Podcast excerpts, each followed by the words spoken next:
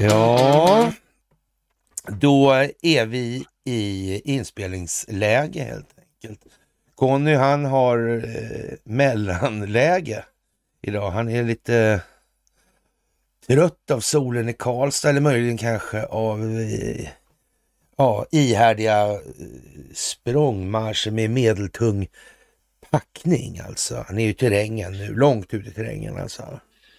Ja. Ja, Mm. ja så är det ibland. Jag ska nog överleva det här med. Det kommer du alldeles säkert att göra, kära du. Det, och alltså, det, det håller mer för det här, helt enkelt. Sånt där, sånt där, den typen av krut alltså. Så, är det. Men fan, ja, det är bara inse. Det tar på krafterna att vara i vägen den här ronden. Fan, sova på soffor och flänga. Få... Ja, det kan man ju Ja. försöka undvika. Det. Mm. Ja. Idag är det måndag i alla fall. ja, det är ny vecka och allting. Det är ju fantastiskt, måste jag säga. Och det här börjar ju på ett sätt som, ja, inte vet jag alltså. Det har vi aldrig sett förut, men nu jävlar alltså. Nu jävlar alltså. Ja. Ja, det blir händelserikt. Det lackar mot jul. Ja, det gör ju det alltså. Ja, Det gör är det. fantastiskt. Det är fantastiskt. Ja, ny vecka. Det är måndag och det är dags för ett måndags. Ja, otroligt. Ja, det är den 20 i 11 2023. Mm. För de som tycker att det är ganska viktigt med de här tidsstämplarna också. Och det är det. Det är det. Det, det kan vara bra med ett annat Mm. efterhand. Så är de mysen i datorer. Ja. Och först som sist så tackar vi naturligtvis för vad ni är med oss på det här folkbildningsprojektet. Mm. Tack för gåvor på Swish och på Patreon. Tack för att ni fördjupar er på karlnorberg.se och tack för att ni hakar på Telegramtjänsten. Det är mycket saker som kommer klarna nu och det kommer klarna med en jävla hastighet. Så är det Så- också. Ja, det går liksom ihop ordentligt nu. Och det börjar ju tidigare med Aftonbladet, sen följer då Dagens Nyheter upp med en liten, ja jättespeciell, väldigt, väldigt, väldigt speciell. Oj vad det låter hos dig. Och de håller på med byggnadsställningar runt huset. Jag vet inte om det hörs mycket. Det blir lite borrande och så ibland. Jaha. Ja, då det det... för jävligt så får jag koppla ur helt Ja. enkelt. ja, nu går det alltså ihop så det jävla räcker och blir över. Mm. Och en herr Joakim Kühlenstierna, vd på Fast Dator. Jag tänker Kühlenstierna, var inte det i Sven Delblancs den här, eh, vad hette det, Hedebyborna, hette de Kühlenstierna? Jag minns inte riktigt, men jag tror det var så ändå. Han misstänks i alla fall ha utsatts för utpressning av personer med kopplingar till, eh, ja, The Mössa. The mössa liksom. ja, kolla nu lilla han viftar på svansen också. Det är ingen han- svans, det är en luden banan. Och den långa ludna svansen, ja, just det. Mm. Ja, kriminella nätverket Foxtrot, ärendet utreds av Riksenheten mot internationell och organiserad brottslighet, RIO. Ja, det är nästan lite Rio Bravo med John Wayne över också tror jag. Vi tar hotet på största allvar och har vidtagit åtgärder för att öka säkerheten kring vissa anställda, säger Björn Rosengren, ordförande i bolaget. Fastator är ett investmentbolag som specialiserat sig på fastighetssektorn. I styrelsen som leds av Björn Rosengren sitter bland annat före detta stats och utrikesministern Carl Bildt också. Styrelseproffsen Jacqueline Winberg och Mats Lundberg. Just nu går det sådär Hela fastighetsbranschen blöder. Enligt den senaste kvartalsrapporten landade Fastator på ett minus på 137 miljoner. I början av november avyttrade man klassiska Åregården för drygt 76 miljoner. Eh, försäljningen skedde inte utan vemod enligt ett uttalande från vdn Joakim Kühlenstierna. No. Man kan säga lite grann att, att Stockholmsbyråkratin flyttade därmed ut ur Åre. Mm. Vilket kommer innebära ett otroligt förändrat klimat, alltså till glädje för Greta Thunberg då främst naturligtvis. Kanske även för Åreborna, vem vet på sikt. Den eh, 6 oktober i år fick Joakim Kühlenstierna enligt en polisanmälan som DE tagit del av flera hot skickade till sig via den krypterade meddelandetjänsten WhatsApp. Eh, han uppmanas att betala ut en påstådd skuld på 100 miljoner kronor till en okänd person.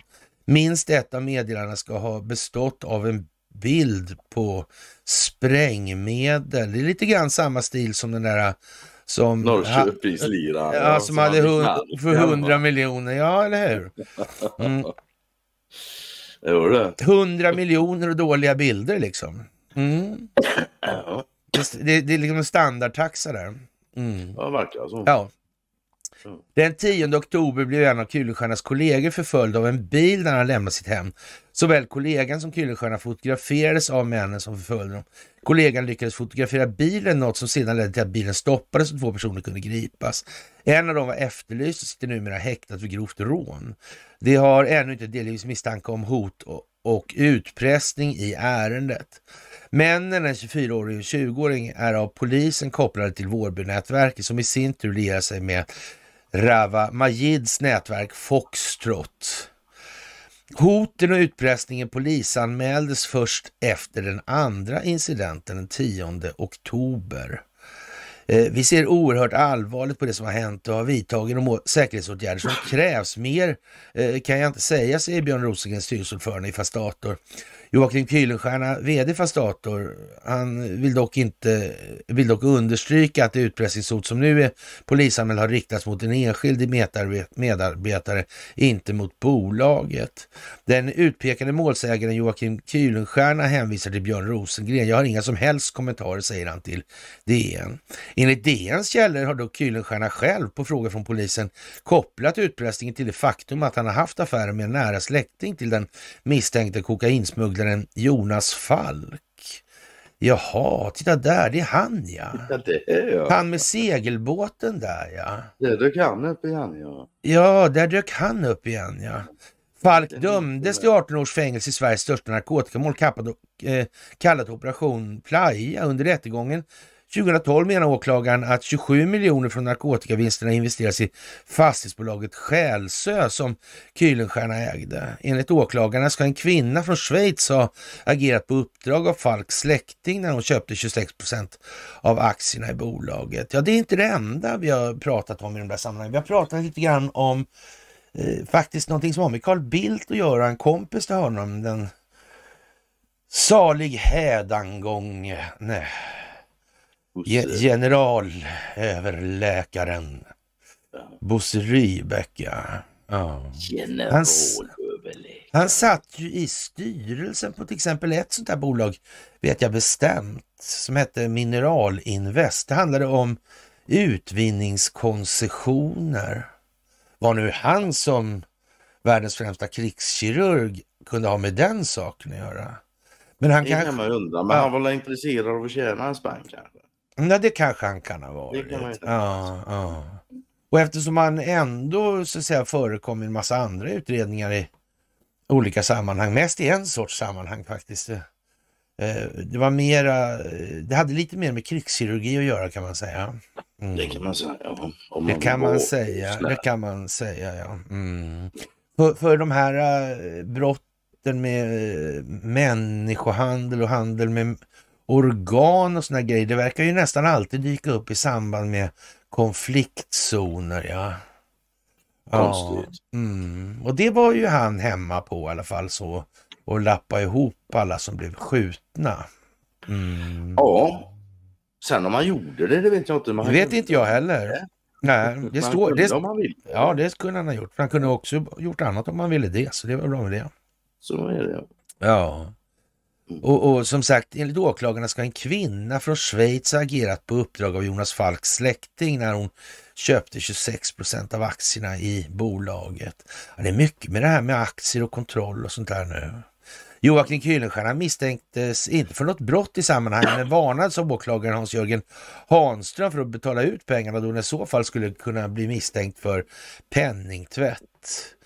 Eh, Björn J Rosengren är styrelseordförande i staten. Han bekräftar att en medarbetare i bolaget utsatts för utpressning och att man tar situationen på stort allvar. Enligt Dagens Nyheters uppgifter leds utpressningsärendet av Anna Stråth, åklagare vid Riksenheten mot internationell och organiserad brottslighet Rio.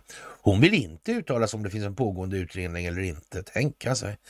På måndag publicerade Aftonbladet uppgifter om att Joakim Kuylenstierna i ett inspelat samtal från 2009 berättar för en svensk affärsbekant i Schweiz hur man kan lägga upp olika bolagsstrukturer för att göra det möjligt att hantera stora mängder kontanter utomlands. I, i samtalen som Aftonbladet redogör för ord för ord beskriver han hur han tänkt hjälpa Jonas Falk. Till Aftonbladet säger Joakim Kuylenstierna att eh, det är bullshit. Det är klart han säger. Ja. Ska manna sig. Ja. Ja, Kläcker han inte ur sig något också? Ja. Att han stoppar in politiker för då kommer man lättare... jo, han gör ju det. Ja. Stod inte här, men Mm. det stod någon annanstans. Mm, det stod i Aftonbladet. Strax innan lunch på måndag publicerade eh, Fastators styrelse ett pressmeddelande där man kommenterade de här uppgifterna som Aftonbladet publicerat. Uppgifter som kommer att från den nyutgivna boken Operation Playa, kokainets väg till Sverige, skriven av journalisten och författaren Rickard Andersson. Eh, fast Fastators styrelse var, ser extremt allvarligt på informationen och nu ska man tillsätta en intern utredning, en oberoende naturligtvis, med hjälp av oberoende advokat Björn Wendelby från Harvest eh, advokatbyrå. Harvest, vad heter det? Organ Harvesting kanske? Ja, Harvest är ju skörd. Ja, jag tänkte organharvesting kanske kommer in där då. Ja. Det tillvägagångssätt som återges i Aftonbladets artikel vore olagligt och på intet sätt förenligt med hur vi bedriver vår verksamhet, skriver styrelseordförande Ros- Rosengren och fortsätter.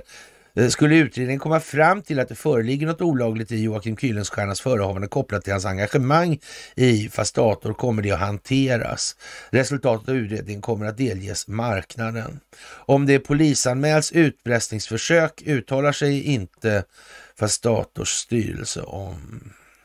Ja, man kan ju misstänka att eh, narkotikavinster skulle kunna återinvesteras på det här sättet. Ungefär som det visade sig att det var med eh, ja, investeringarna i Mineralinvest va, som kom från samma faktiskt.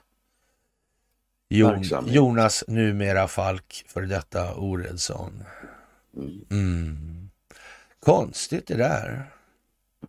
Konstigt. Ja. Ja, han behöver nog bara hålla sig undan lite tror jag. Sen är han nog en fri man. Har jag en känsla av. Jag tror han har samarbetat rätt ordentligt med den sida man bör samarbeta med i de här lägena, definitivt. Vi får väl hoppas för hans egen skull att han har gjort det. Ja, men det Mm. är jag nästan säker på faktiskt. Ja. ja. Faktiskt också. Ja. Samtidigt är det, tror man kan, alltså, det pågår en jättestor rättegång i Italien. har hållit på sedan 2021. Mm, Kokain. mm, just det. Jättestor kokain. eh, Mm. Just det, det gör det. Och Italien har de lite annat också. Det Ja. gäller valfusk i USA om vi kommer dit. Ja, ja. Ja, det är mycket kokain nu. Ja, men det är ju det och det är mycket Ja, ra- ja. rava. Det är mycket rava och det är mycket kokain. Ja. Nu börjar ja. det bli företag och företagsledare och politiker. Mm. Avlyssnade samtal avslöjar att Kulenstierna förklarade hur företag kunde använda används för att hantera stora mängder kontanter utomlands och skicka luftfakturer för att tvätta pengar. Mm. Och det, det, det skriver Kulenstierna är bullshit. Ja, vet ju inte hur det är med det här. Nej, Nej. Men vi har tagit upp det ett par år ändå alltså. ja jo, jo, men det är ju bara för att vi inte vet. Hade vi vetat. Det är bara för att vi inte har något annat att säga. Så faktiskt. Ja, men så är det ju. Mest för att göra oss intressant. Ja, lite grann så. Mm. Ja. Ja, och det är väl som sagt eh, hög tid då att eh, börja som vi brukar när då allt blir ett i det här. Och då är det naturligtvis inte bättre än att Sundsvalls tidning följer på i de här ystra danserna. Och, och det kommer nu uppgifter att Putins vän som han tros fortfarande kontrollera Kubal. Vi handlar om Sundsvalls oligarken Oleg Deripaska med andra ord. Och, och, och, det verkar ju kulminera här på något konstigt vis där också. Alltså. Och mm. Hur var det med den här pennan nu som, som han snodde eh, mitt under inspelad, eh, ja, hur man nu ska uttrycka det som. Det var bra med den pennan. Ja, det var väl som man kan säga. Så det var väl så uppenbart en regisserad scen som det egentligen komma och lika förbannat så såg man inte det från början. Nej, jag tänkte just säga ja. det, det. När man tittar på den idag så är det lite pinsamt om man inte, men kom igen nu. Ja, lite grann. Det är till riggat ut ändå, men fine. Ja. ja. Det tog ett tag innan man köpte, förstod det. Ja, men så alltså. Och ja, vad sa Sergej Lavrov, kommer du ihåg det med på den här presskonferensen med Ann Linde? Ja, faktiskt. Han hoppades, jag kommer inte ihåg ordagrant. Han förväntade sig va? Han förväntade sig till och med ja, att ja. Sverige inte skulle ställa till några större problem vad det gäller kubaler. Nej, de skulle vara behjälpliga till och med. Mm, ja, ja, det sa ju. Mm. Och då kommer ju frågan, har, har Oleg Deripaska mutat någon? Ja, han har i alla fall gett bidrag, så kan man ju säga. Man vet ju att Mittuniversitetet på, i Sundsvall. Alltså det... mut, muta är ett så starkt ord. Ja, ja. Giffarna har väl fått en släng av sliv. Undra om Skifu och Klemin hade någonting med, med Giffarna att göra, tror. Nej, det undrar du inte, för det vet du. Ja, men sådär kanske. Ja. ja. Och nu kommer alltså uppgifter Putins vän tros fortfarande kontrollera Kubal den 20 november. Alltså idag då, 2023 05.00 Sundsvalls Tidning. De liksom gick rakt in på jobbet och tryckte iväg den här alltså. Det var som man säger förberett alltså. Ja, och sen står det så här, officiellt drog han sig ur för att undvika sanktioner och hotade nedläggning av Kubal. Vet du vad, jag vet en annan hel familj som hållit på så i generationer. Jaså? Med sådana saker. Ja, Jaha. det gör jag faktiskt. Ja. Jag vet inte vad de heter kanske, nu, kanske, kan, kanske, kanske, ja man har märkt eller upptäckt det från exempelvis rysk eller kinesisk eller ja, för all del amerikansk sida eller kanske rent av turkisk sida. Mm. Kanske svinhugor igen. Ja men eller hur, är det inte så mm. konstigt? Och då kan det sitta en sur förgylld gris och yoga bäst han vill. Ja. Den kan yoga bäst den vill. Frågan är hur sura de är. Det är de inte det längre. Det, det lär ha gått över för decennium sen kanske. Ja, men något sånt. De kanske var sura en gång i tiden, men nu är, ja, har de inte smält det nu så då vet jag inte. Synd för ja. dem så. Ja, nu kommer i alla fall då nya uppgifter om den ryska oligarken Oleg Deripaska om att han har fortsatt grepp om smältverket i Sundsvall. Eh, det är ingen åsikt, det är bara att räkna, säger författaren och ekonomijournalisten Knut Heinz Rognerud. Eh, Nej men kom igen, en ekonomijournalist, Knut Heinz som säger att det bara att räkna och han har inte lyckats räkna ut att det är skuldmättnad. Nej, nej, men det, det, är en annan fråga. Ja.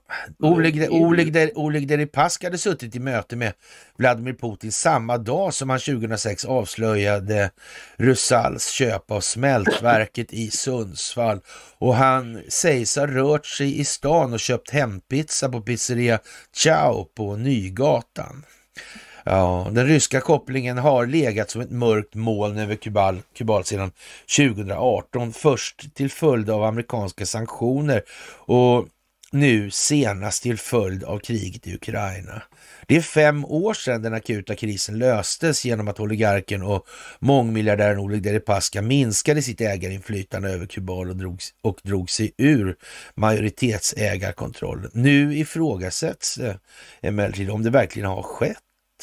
Flera källor som Sundsvalls Tidning har varit i kontakt med hävdar att det fortfarande är Oleg Deripaska som styr smältverket i Sundsvall och att ägarförhållanden bara, ja, förändringarna bara skett på pappret. Nämen. Art of King. Ja ja, vi rotade i där, men eftersom vi saknar egna, utredningsmöjligheter kunde vi inte gå till botten med ägarförhållandena. Vem bestämmer här? Åsikterna går isär. Så sent som förra året uppfattade, eller fattade Energimyndigheten två drastiska beslut utifrån upptäckterna att den ryska oligarken fortfarande var registrerad hos Bolagsverket som bolagets verkliga huvudman. Officiellt skulle han ha dragit sig ur redan 2018 men fanns alltså kvar. Energimyndigheten ansåg att det var ett brott mot sanktionsbestämmelserna bestämmelserna och gick så långt så att de spärrade Kubals konto för handel med utsläppsrätter och satte stopp för ett redan beviljat investeringsstöd på drygt 72 miljoner kronor. Vi rotade i det där, men eftersom vi saknade egna utredningsmöjligheter kunde vi inte gå till botten med ägarförhållanden. Vi kunde inte bevisa något, men sa också att om det skulle komma in nya uppgifter så kan vi öppna upp ärendet på nytt, säger Rickard Fävre, jurist vid Energimyndigheten.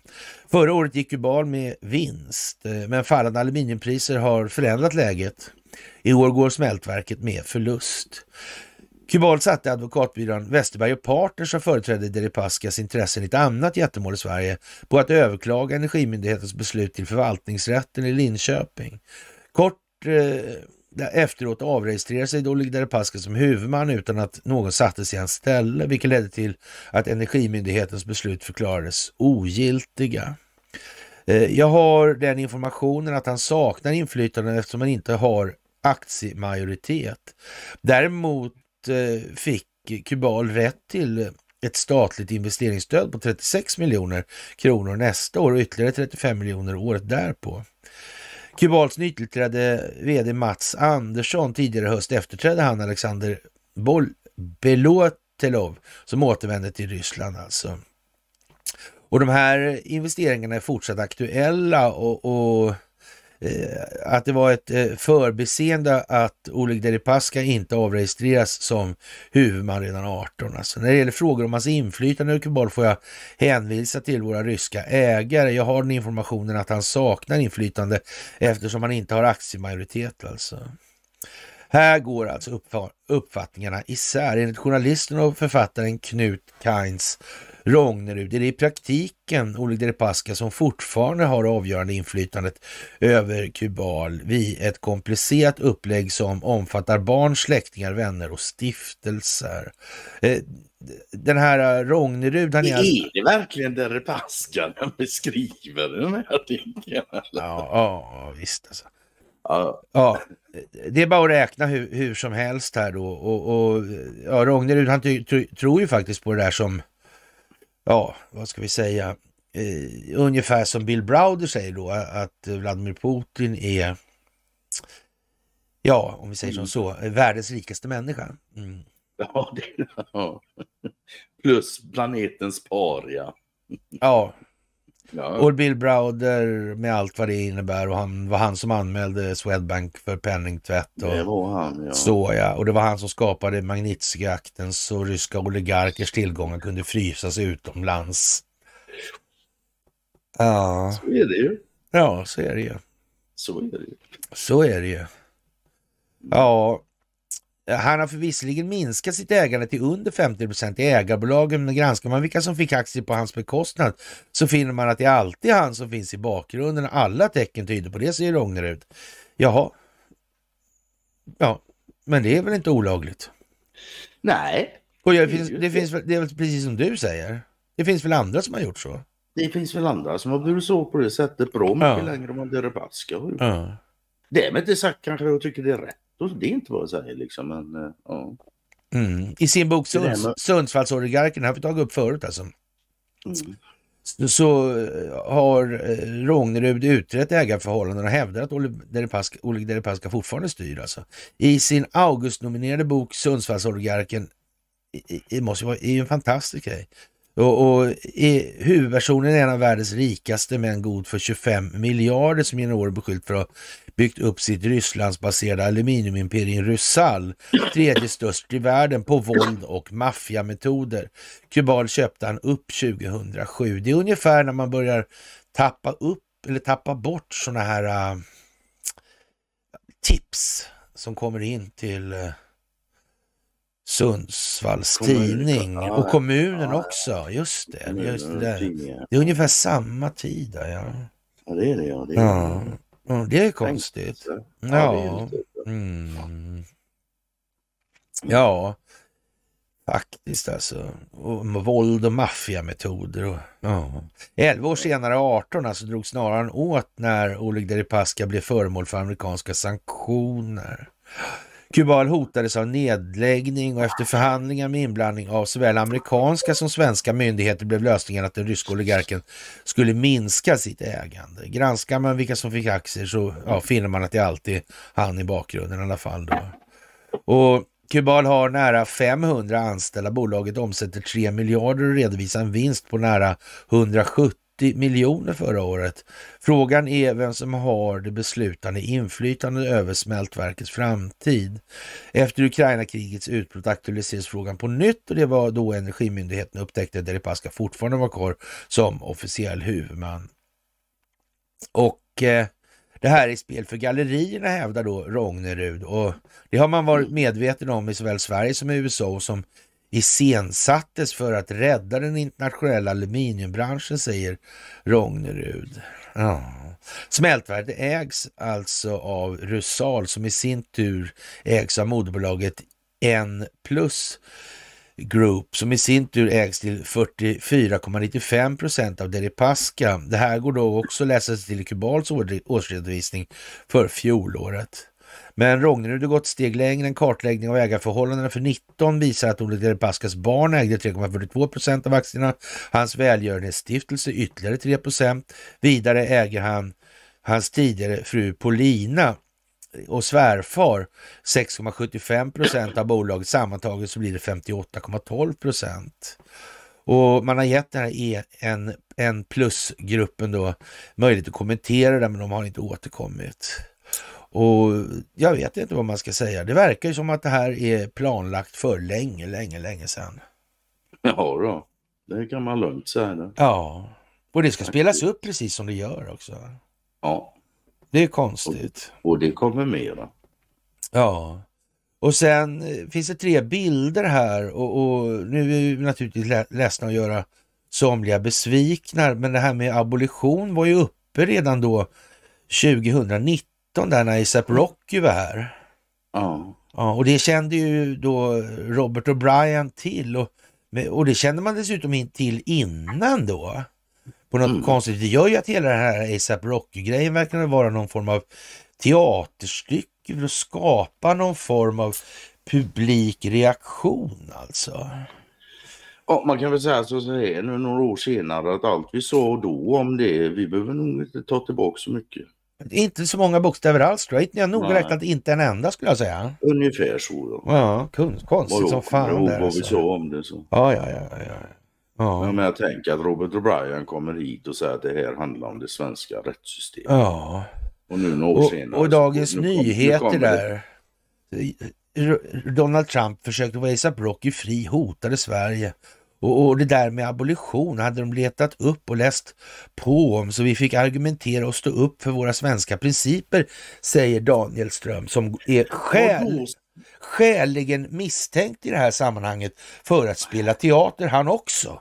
Fine, absolut. Det, ja. det håller jag. Ja, han har det, en meritlista som är bedövande helt enkelt. Alltså. Mm. Den eh, står inte eh, Petra Lund särskilt uh, ja, långt efter. Och, och, Donald Trump han talade ju om det här very talented ja, prime minister. Ja, very, very talented Mr Ripley sa vi då. Mm. Ja. Och, och, det verkar ju, verkar ju... Nyser du? Nej, det är någon annan som nyser. Nej, det är inte jag. Det är lägenhetens innehavare här också. Han beger sig snart.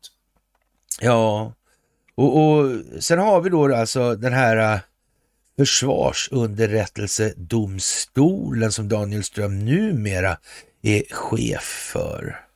Och han har ju en gedigen meritlista helt enkelt. Mm. Ja. ja. Och det är bra. Ja, jag undrar om de är med i det här. Om de inte är det så ligger vi fan dåligt till. Då ligger vi riktigt det, jävla ja, dåligt till. Nu måste det komma in folk här som Petra till exempel, kanske den här Daniel och... Ja. Ja, annars är det fan lite kört för oss. Då är det lite svårt ja. Ja. Och så och, det måste finnas i det här landet också. Alltså. Och eftersom vi befinner oss i Sverige så måste vi gå lite från högt till lågt och lågt till högt. sådär alltså. Vi måste ta lite ytterkurvor hela tiden. Och i veckan har ju den här Patrik Sommerlats misstänkta sexköp varit en stor nyhet. Och ja, och det här är ingen mindre än då gnölmödelsen Alex Schulman. Som, Men ja. det är klart, varför inte ta den till att skriva om sånt? Absolut. Ja. Och han tycker det här är fantastiskt att följa turerna ja, i, i, i, kring det här Patrik Sommerlas misstänkta sexköp och drottningens brorson är ju eh, som en figur hämtad ur en komedi alltså. Och en, dessutom en Ulf Malmros-komedi drar han till med. Det är knäppt, lite förhöjt, förhöjt, spårat och en massa garv. Jag vet att jag vet att ärendet är allvarligt och eventuella sexköp är ingenting att skratta åt överhuvudtaget.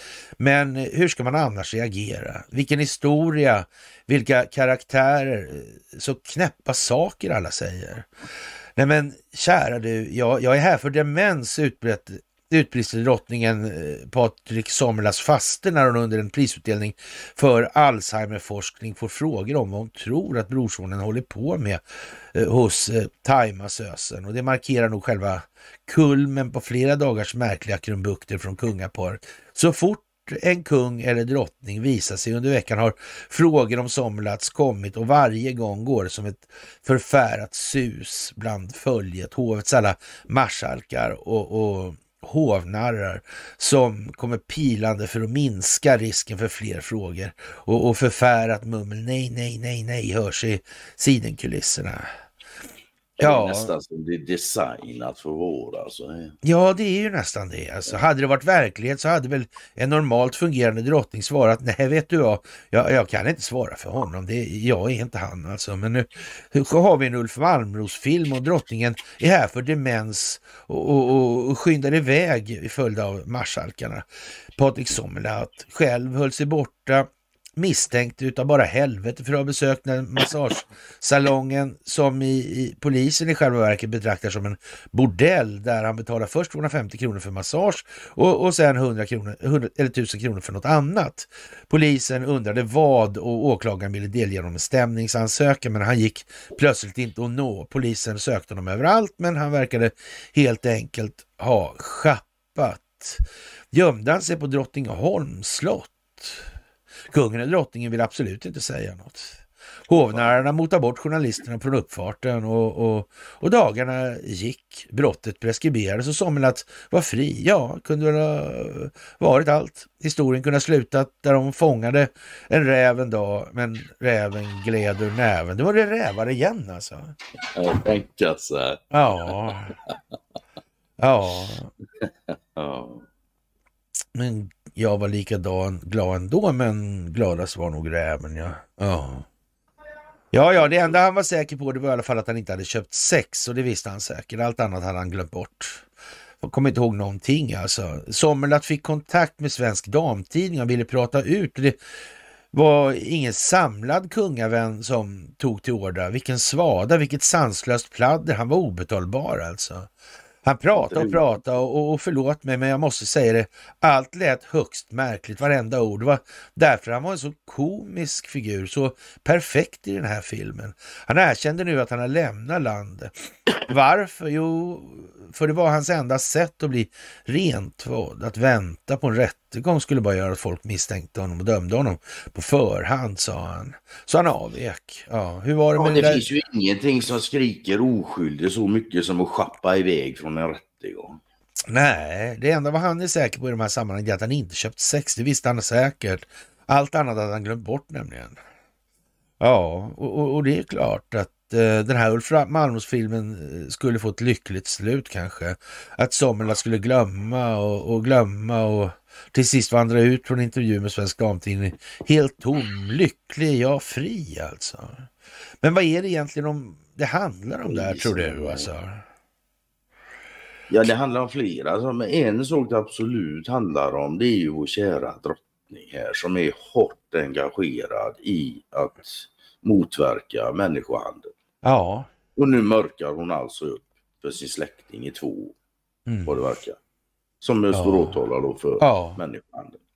För det var det Ja, det är väldigt konstigt. Det, ja. Man kan väl säga Tycker att det, jag får intrycket av att kungahusets dagar är räknade. Ja, Det verkar som det där ska bort. ursäkta. Ja, det, det verkar som det faktiskt. Du, Mm. och, Och och, och det är ju lite konstigt det där med, med... För det blir ju lite rättsröt av det här, tycker du inte det? Jo då, den har varit med ett tag ja. Ja. Sen Vigöra, typ. Ja, men eller hur? Ja, Rättsrötaffärerna. Mm. Haijby, Torsten Nothin. Var det inte Svensk Damtidning eller Femina som tog upp det här med eh, Karl Gerhard och hans homosexualitet? Mm. Det var här nu i helgen ja. Mm. Ja, just Och det var det. även, men det var inte Haijby-affären någon annan. Det finns ju två affärer. Kane, Keynes och- affär. Kane, ja. Det. Mm. mm. så är det. Och jag menar, det är, bara, det är bara att gå ut och, det står på Wikipedia. Så det är bara att gå ut och läsa. Det är bara rättsrötaffärerna räcker. Det är enda, enda, enda sökord. Och bloggen går lätt att hitta det på också. Bloggen går fint allt som allt. Det här har vi tjatat om i många, många år alltså. Och, och där har vi den här detaljen med abolition. För tidigare var det kungen. Mm. Men, men eh, sen så vart det här på senare år någon form av ändring. Skulle inte du kunna tänka men om säger så här då. När var den här ändringen till, till att det blev regeringen som gav abolitionen? Blev den, var det 2000? Ja, det är ju ganska sent här nu. Jag kommer inte ihåg exakt. Men det är ju säkert. ja. det är ju ganska Men, sent. men, men kan det ha att göra med att eh, det så att säga det aktiva arbetet för att motverka den djupa staten gick in i ett mera utrikespolitiskt offensivt skede. Skulle man nästan kunna säga att det var så. Det, det, det, Det är skulle, skitsvårt att se det på det sättet. Det är det inte. ja, det skulle på något vis bli mer komplicerat att bedriva verksamhet i Sverige på det samma vis som man alltid hade gjort till gagn för den här familjen som verkar utan att synas. Mm. Visst. Du, att de aldrig åkte fast därefter andra världskriget. Det fanns inte ens en, ingenting om det. Nej. Hur kan det komma sig i Sverige att det inte varit Kan det vara så att man kanske har så att säga lagt locket på big time kanske? Skulle kunna vara så. Grejen är det, det kan vi inte veta. Nej. Eftersom med abolition så ingår tystnadsplikt. Inte bara tystnadsplikt, absolut tystnadsplikt. Mm. Mm. Så hur ska vi kunna veta det? Mm. Jag undrar om man har upptäckt det från internationellt håll. I alla fall amerikanerna hade ju en Det verkar ju så med tanke på... De, ha, de, de, hade, de hade ju en eh, utrikesminister, som, eller säga finansminister som heter Morgenthau. Och, och Morgenthau han ansåg att man inte skulle ta familjen Wallbergs ord för nominellt värde, utan de skulle istället dömas utifrån ja, vad de hade gjort helt enkelt. Ja. Det var mycket mer rimligt tyckte han. Då. Mm. Det är, jag får hålla med. Ja. Och det är även från det hållet som det uttrycks då att eh, familjen Wallenberg hade det kalla krigets uppkomst och tacka mer ja, sin välgång. Sin, borde vara mycket mer tacksam mot det än mot deras förbättrade affärsmoral. Då, kan man säga att den kontentan av det Jaha. som uttryckt. Ja, Ja. hans intryck verkar ha varit att deras affärsmoral förändrades inte nämnvärt efter andra världskriget. Nej. Det var ju inte görtjusig under andra världskriget. Då har vi ju allt det här som Deripaska nu vi har läst. ja. Det är art of cloaking så det är bara Mm. Det verkar på något vis, det går ju liksom ihop det här. det är något så in i helvete. Något så ända in i helvete, ja Det precis. blir alltså. hårda klappar i jul. Ja. Jaha, är man en gullis eller knullis kommer Dagens Nyheter idag och försöker, ja men det kan man garva åt det där men det, det är lite mer, Ja, det lite mer allvarligt, det är lite allvarligare än så det här alltså. Va, va, va, det, vet, det visste ju redan då, ja han, herr Tingsten, redaktören, han som själv Mm, ja. bestämmer var de primitiva känslorna nu hör hemma. Folk har vetat det där länge, inte Ja. minst de sociala ingenjörerna. Nej, det är ju det alltså. Så frågan är, vad är egentligen eh, för någon, vad är det för någonting som har bäring på verkligheten? Vi vet ju att de primitiva drifterna, de eh, krävs för att eh, mänskligheten ska fortleva, men kanske möjligen bör de begränsas. Det är ju De bör därför... nog inte odlas i excess i alla fall, det kan jag väl tycka. Nej, utan det kan ju vara så då liksom att man, måste, de, måste hålla dem under uppsikt så att säga. Och i det sammanhanget så handlar det om intellektuell, Mm. logisk uppsikt. Ja. Mm. Annars dyker det upp någonting, då dyker de här sju dödssynderna upp. Och vi kommer ju tillbaka in på, på religionen i de här sammanhangen. Och det är ungefär som det här med äktenskapet och giftermål. Vi kommer till det med. Ja, det, det är ju en ren ekonomisk företeelse alltså. En ren affärstransaktion i dagens samhälle. Ja, Mm. Och, och då kan man ju kanske välja då, eller, eller varför får man inte gifta sig med flera? Kan man, göra, kan man gifta sig med ett aktiebolag? Många är ju gifta med sitt jobb. Men Vad, är vad händer då om, man, om, om det säljer ut delar i aktiebolaget? Vad händer då? Är det prostitution då? Ja, det är fan bra fråga. Mm. Mm. Jag undrar om de, någon har satt det här i system för att styra människors tankar och beteenden. Tror du det? Ja, det- men man tycker ju någon borde ha sagt något i så fall. Så. Ja, man kan ju tycka det, men det har de inte gjort. Så. det- Eller så, det kan ju också vara att folk faktiskt har sagt saker. Frågan blir ju då, Mm. är det någon som har lyssnat? Mm. Det är ju också Men, men, men, men, men man får väl säga så här, om man inte har fattat det här med de här primära drifterna, man måste äta, skita, sova, knulla och det här liksom. Mm. Ja. Då får man fundera lite på det tycker jag. Så kan man läsa den här artikeln så kan man fundera lite på kanske om Alltså eh, relationen bör nog säga, grundas på eh, mer på sexuell attraktion än på samma sak som Affär. kompisarna i hockeylaget eller affärsattraktion. Jag tror det är dumt att göra på det, det hållet. Jag tror det Absolut. straffar sig på slutet. Ja. Eller förr eller senare kanske jag ska säga. Mm. Ja, och det här, det här alltså, och, och är de verkligen så här tröga då? Katja Hultqvist här, är hon så dum? Eller är det så, är, eller är det så här Jag kanske, att man måste, man måste ta det här i delar? Somliga, somliga eh, betingelser, här pratar vi om de primitiva känslornas förekomst och den roll som de spelar i vår omvärldsuppfattning. Ja, då kan, den kanske man måste ta lite noggrant i... i Det tycker jag med tanke på hur grundläggande de är för oss som människor. ja, jag tror att det är bra. Alltså. tycker jag absolut man ska Ja. ha en medvetenhet om de är. Det, Ja, ja, det kan vara bra att ta det där i delar. Jag tror att det kommer tillbaka Ja. det här.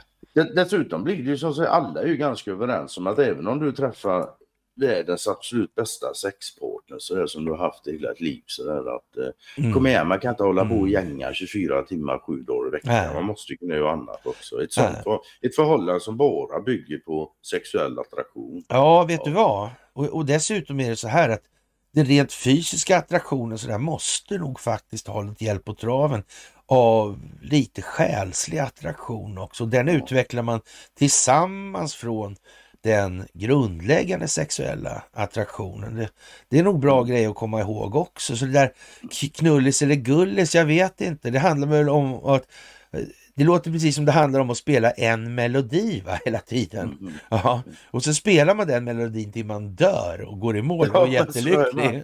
Men det, det, det är ju trots allt så att det, det är liksom eh, variationen eh, i intonation eller tempo, rytm, takt, alltså så det är sådana saker som kommer att spela roll här. och Så måste båda vara då inom samma spann av våglängder alltså i det här Mm för kommunikationen. Men, men det här är som sagt, det här kan man inte ta allting på två minuter som jag håller på med nu. Men det, i alla fall, va, så man kan få sin uppfattning om var åt det barkar i den delen när man börjar ta upp sådana här grejer. För det här verkar ju liksom, precis som kommentarerna skriver då, de reagerar programenligt då i, i de här sammanhangen.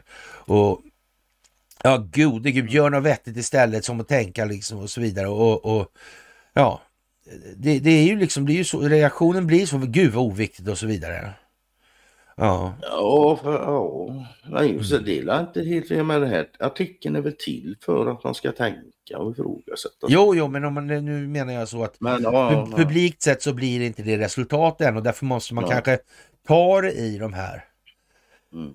tramsiga delarna. Det är ingen idé, ingen idé att börja på våning åtta skratta liksom. Nej, sen Nej. har du en annan här. Varför begränsa sig så det går uppskratt liksom? Så mm. Därför att hämningslösa excesser åt alla jävla håll och kanter blir inte bra. Därför ska man begränsa sig. Ja.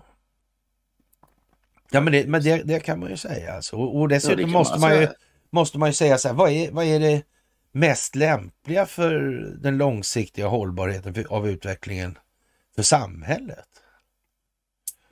Och det är nog faktiskt individer som äger förmågan att begränsa sina egna drifter lite grann. Ja, det, det, det är nog bra. Alltså jag tror... Folk som, som, kan, som Ma- kan begränsa sitt, sitt behov av att springa runt och volta till exempel. Ja. Jag tror att det är bra grejer. Det hade varit bra om de kunnat hantera det och gå fan i det. Ja. Eller jaga barn eller ja, vad det. Ja. Och det är ju rätt mycket som styrs av ekonomi i det moderna samhället. Och, och, och eh, det är rätt många relationer som påverkas av ekonomi och det har gått så långt så Gud instiftade äktenskapet my ass alltså. Det gjorde han inte alls. Ah, han var nog inte gör inblandad i det. Äh, och han var fruktansvärt sent på bollen dessutom.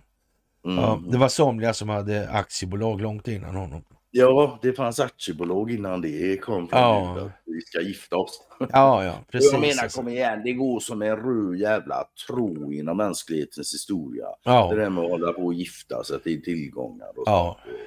Det finns fortfarande kulturer som gör det och vi gör det fortfarande igen. Titta på familjen Ja. Wallenberg. ja. Ja. Men, men det är så att säga en eh, själslig avart för samhällets långsiktiga hållbarhet. Vi står ju vid vägs ände av ett sånt här system nu och, och ja, det är ju inte så bra liksom, det som står för dörren om man säger så. ja, det är ju bra det som står inför dörren. Ja, men det har inte med det här systemet att göra. Det har, med, det har att göra med att det kommer någonting annat än det här systemet. Så det är inte mm, riktigt mm, samma sak. Ja, nej, Ja. Man, det är i så fall kan man bara säga vi är ju där vi är trots allt. Ja, så är det ju. Och jag menar, tycker man det är bra, men då Mm. man, jag tycker inte det. Ja, och nu kommer vi till en av de bärande kulisserna i det här och vi har ju pratat evigheter om vi skulle gärna käka middag med, med. Stefan Ingves alltså. Och Ja, han har ju uttryckt att direktionen närmast saknar förmåga till abstrakt tänkande. Och, och, men frågan är väl om det är riktigt rimligt att tro på att det skulle vara så in, ända in i helvete naiva och oförstående. Jag vet inte. Nej, det kan man nog inte tro. Det stod Ah. ju också att han fick intern kritik men genomförde den då. Det kanske Ja, var desperata ja. som förstod att fan. Ja, Men det Och- blev så och, mycket ändå. eh, Han fick som han ville. Ja, nej, jag vet inte. Det, det, det är liksom, om Riksbanken var ett företag skulle banken vara konkursmässig. Ja. Och, och hur, vi har ju sagt det, hur, när han har gjort det här, hur, vad han tänkt liksom? Vad Förstod han inte som hade förmåga till högre grad av abstrakt tänkande? För det var uppenbarligen så att han var väldigt ansedd internationellt också. Oh. Ja. ja.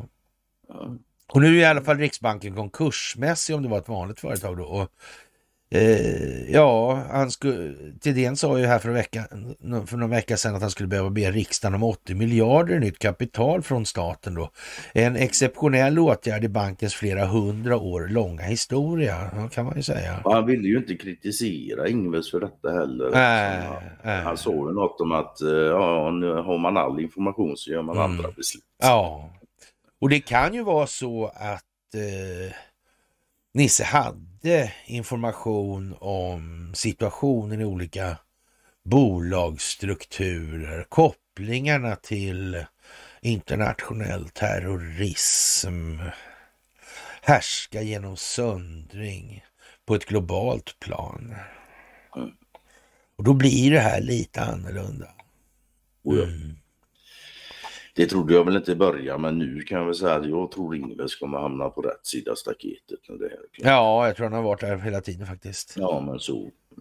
Ja, bak, bakgrunden till den här situationen är i alla fall att eh, Riksbanken de senaste åren har köpt svenska värdepapper, skuldsedlar, alltså IOU, lappar som i filmen Dum Dummare. Ja, I en omfattning som saknar motstycke. Så, som mest uppgick innehavet av svenska obligationer till nästan tusen miljarder kronor. Dagens Nyheter har granskat obligationsköpen och de underlag som låg till grund för besluten. Eh, åren 2015-2022 gjorde Riksbanken förluster på sammanlagt cirka 59 miljarder kronor. Av dessa kan uppskattningsvis 23 miljarder spåras till ett enskilt rambeslut, Riksbankens penningpolitiska möte 25 november 20. Där beslutades att värdepappersköpen skulle utökas från 500 upp till 700 miljarder. Perioden för köpen skulle också förlängas fram till slutet av 21. Det verkar som man visste liksom någonting här. Han visste både det ena och det andra och inte minst när han skulle avgå, det visste han. Mm. Köpen har delvis haft olika syften. Det ursprungliga motivet var att få fart på inflationen. Våren 2020 utökades köpen kraftigt för att begränsa pandemins effekter på svensk ekonomi. Varför var det, det var väl bara att höja priserna över hela ekonomin så gick ju inflationen upp. Ja. Ja, jag fattar inte vad problemet. Ja, Ja, men nej. ni, det här är för att folk ska tänka efter nu alltså. Mm. Ja. I efterhand har ekonomer kritiserat Riksbanken för att köpen borde varit mindre och avslutats tidigare. Men eh, även inför, skuld, eh, inför beslutet i- ja, i november 20 så fanns det många kritiska röster. Direktionen, Riksbankens ledning alltså, var de där som inte är så bra på abstrakt tänkande, var splittrad. Två av fem ledamöter reserverade sig mot beslutet. Enligt flera källor som DN har intervjuat påpekade även experterna i Riksbankens egen tjänstemannaorganisation att köpen var onödiga. De ansåg att penningpolitiken redan var tillräckligt expansiv och det var fel att utöka värdepappersköpen. Vi förstod inte riktigt varför man skulle utöka programmet, säger Jesper Hansson, tidigare chef för den penningpolitiska avdelningen på Riksbanken. Eh, Jesper Hansson var fram till i våras chef för avdelningen för penningpolitik på Riksbanken, den avdelning som tar fram underlag för penningpolitiska beslut. Borde inte han förstå det? Han verkar ha fått en sämre roll än Ingves. Ja, eller hur? Ja, han han deltog ofta på presskonferenser när Riksbankens penningpolitik eh, presenterades sida vid sida med dåvarande riksbankschefen Stefan Ingves.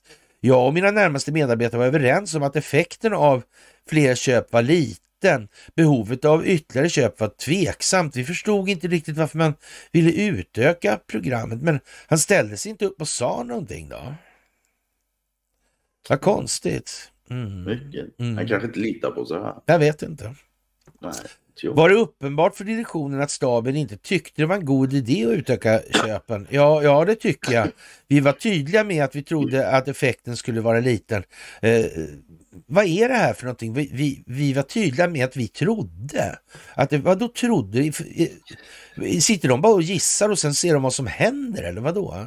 Eller finns det inga Ja, sådana alltså, kopplingar alltså? Det ja, finns- men Ingves har ju själv sagt att han är en estradör och schaman och väderprognosmakare i sin Ja. roll som riksbankschef. Ja, det finns Så- alltså ingen mekanisk koppling. Det är inte som att vrida på en termostat som Mervyn King Nej. sa. Alltså. Nej. Ja, nej, det Nej. verkar inte vara så. Nej.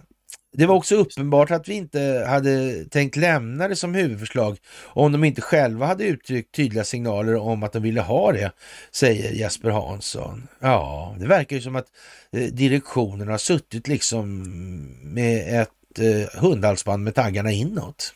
Ja, men så. Det står väl Man- det, man nästan så va? Ja, man kan ju säga så vad skulle du med en direktion till om de Ja. ändå styrda? Ja. Bilden bekräftas av tidigare sekretessbelagda PowerPoint-presentationer som avdelningen för penningpolitik visade för direktionen inför beslutet i november 20. Under rubriken Stabens övergripande bedömning står det eh, redan beslutade åtgärder tillräckliga. Ja, eh, inte heller marknaden förväntar sig fler köp enligt eh, presentationen. Eh, endast en av fem banker i Riksbankens omvärldsbevakning trodde att köpen skulle utökas. Trots att Riksbankens tjänstemän tyckte det var en dålig idé tog de fram beräkningar som innebär utökade köp av värdepapper baserat på indikationer om att direktionen ville göra penningpolitiken mer expansiv. I ett alternativt scenario från staben togs ett förslag fram där utökade köp inte ingick.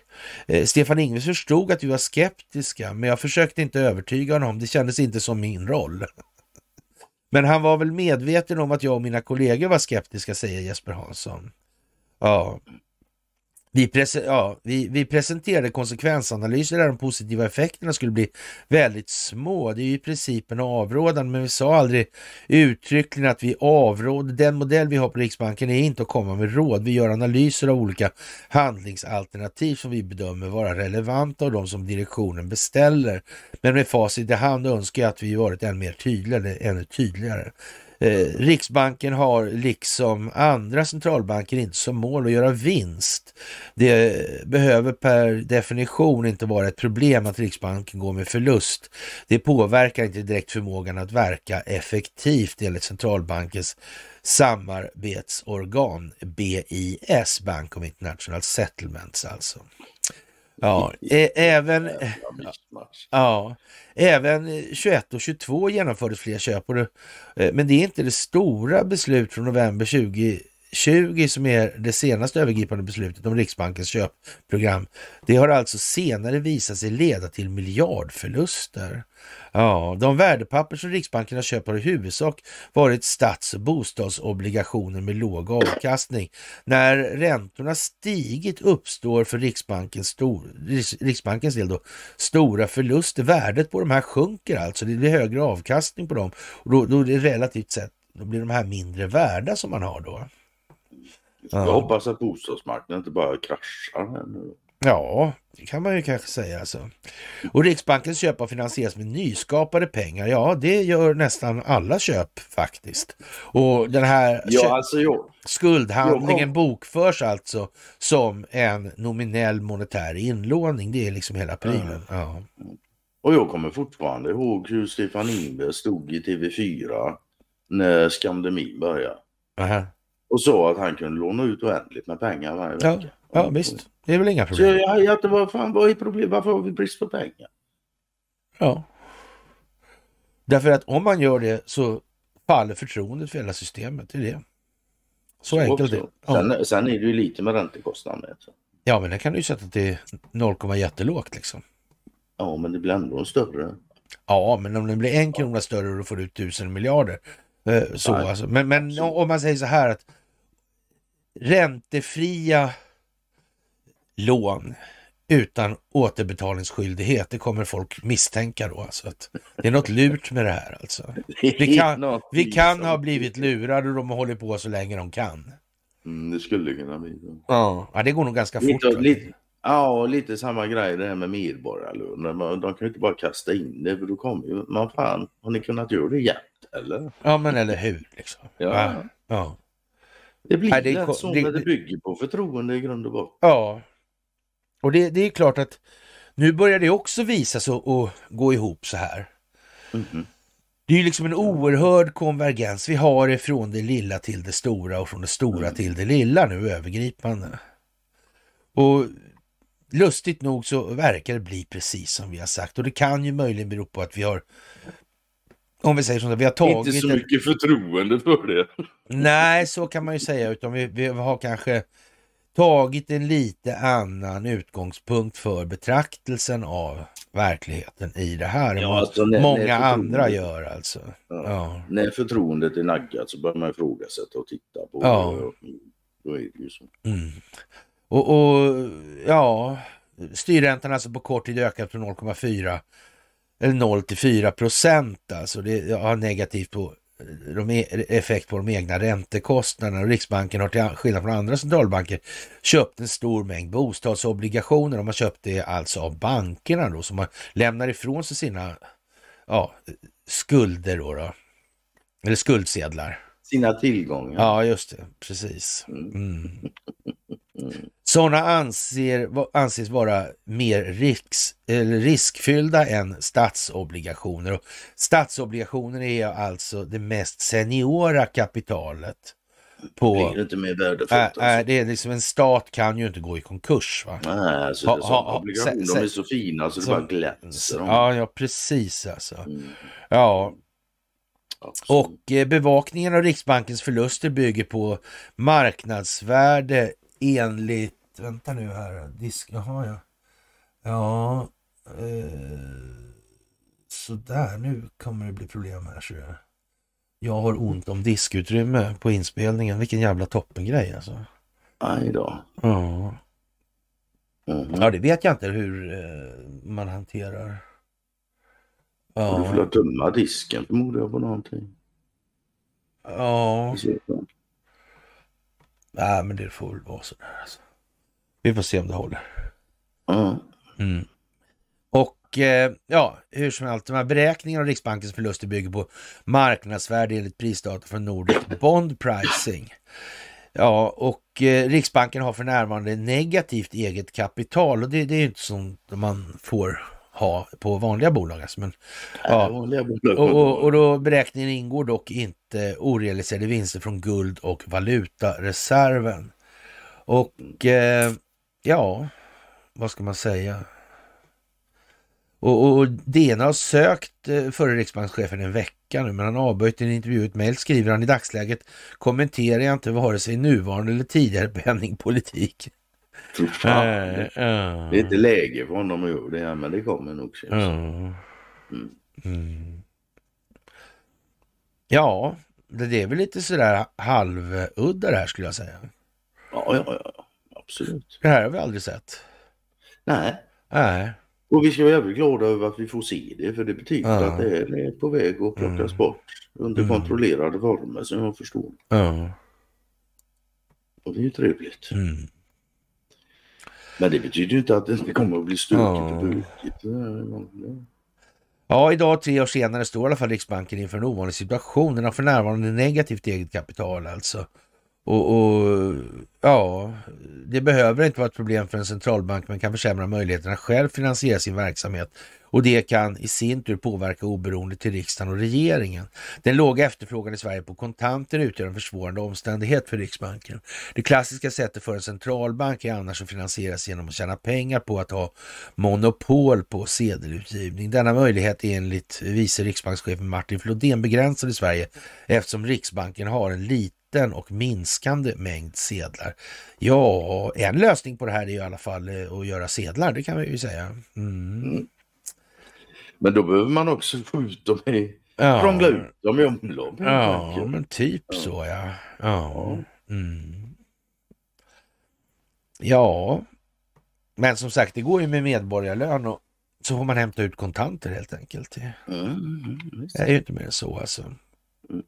Det är bra. Ja, och, och det, det är liksom eh, någonting som man nog får tänka på i det här. Det måste finnas en flora eller en fauna av olika betalningsmedel i det här. Men samtidigt så måste de här funktionerna hållas under kontroll av samhället. Det går alltså att, inte att enskilda vinstmaximeringsintressen får styra och ställa precis som de har gjort hittills. Det kommer gå åt helvete då alltså. Ja, då kommer det gå som det har gjort nu. Mm. Ingen annan kan säga något om... Alltså det här systemet har gått åt helvete. Ja, Mm. det är ju så. det- Ja. Ja, det är lite udda får man nog säga Mhm. faktiskt. Mm. Och Donald Trump han tackar alla ja, Tangentbordskrigare. krigare. Precis alltså. Ni är bättre och mycket mer briljanta än eh, någon på Madison Avenue, alltså där reklambyråerna ligger. Reklambyråerna, Ja. Det finns ingen som ni och jag har hållit på ett tag faktiskt. Jag, och det har runnit en del vatten under broarna så jag körde ut ledningen för Svenska Styrkelyftförbundet på 1990-talet genom att driva kampanj på nätet på olika klubbars hemsidor. De hade inte en jävla chans när väl årsmötet kom alltså. Det blev precis som jag ville. Ja. Och då fanns det ju inte plattformar och sådana där grejer så det var ju ganska så enkelt alltså.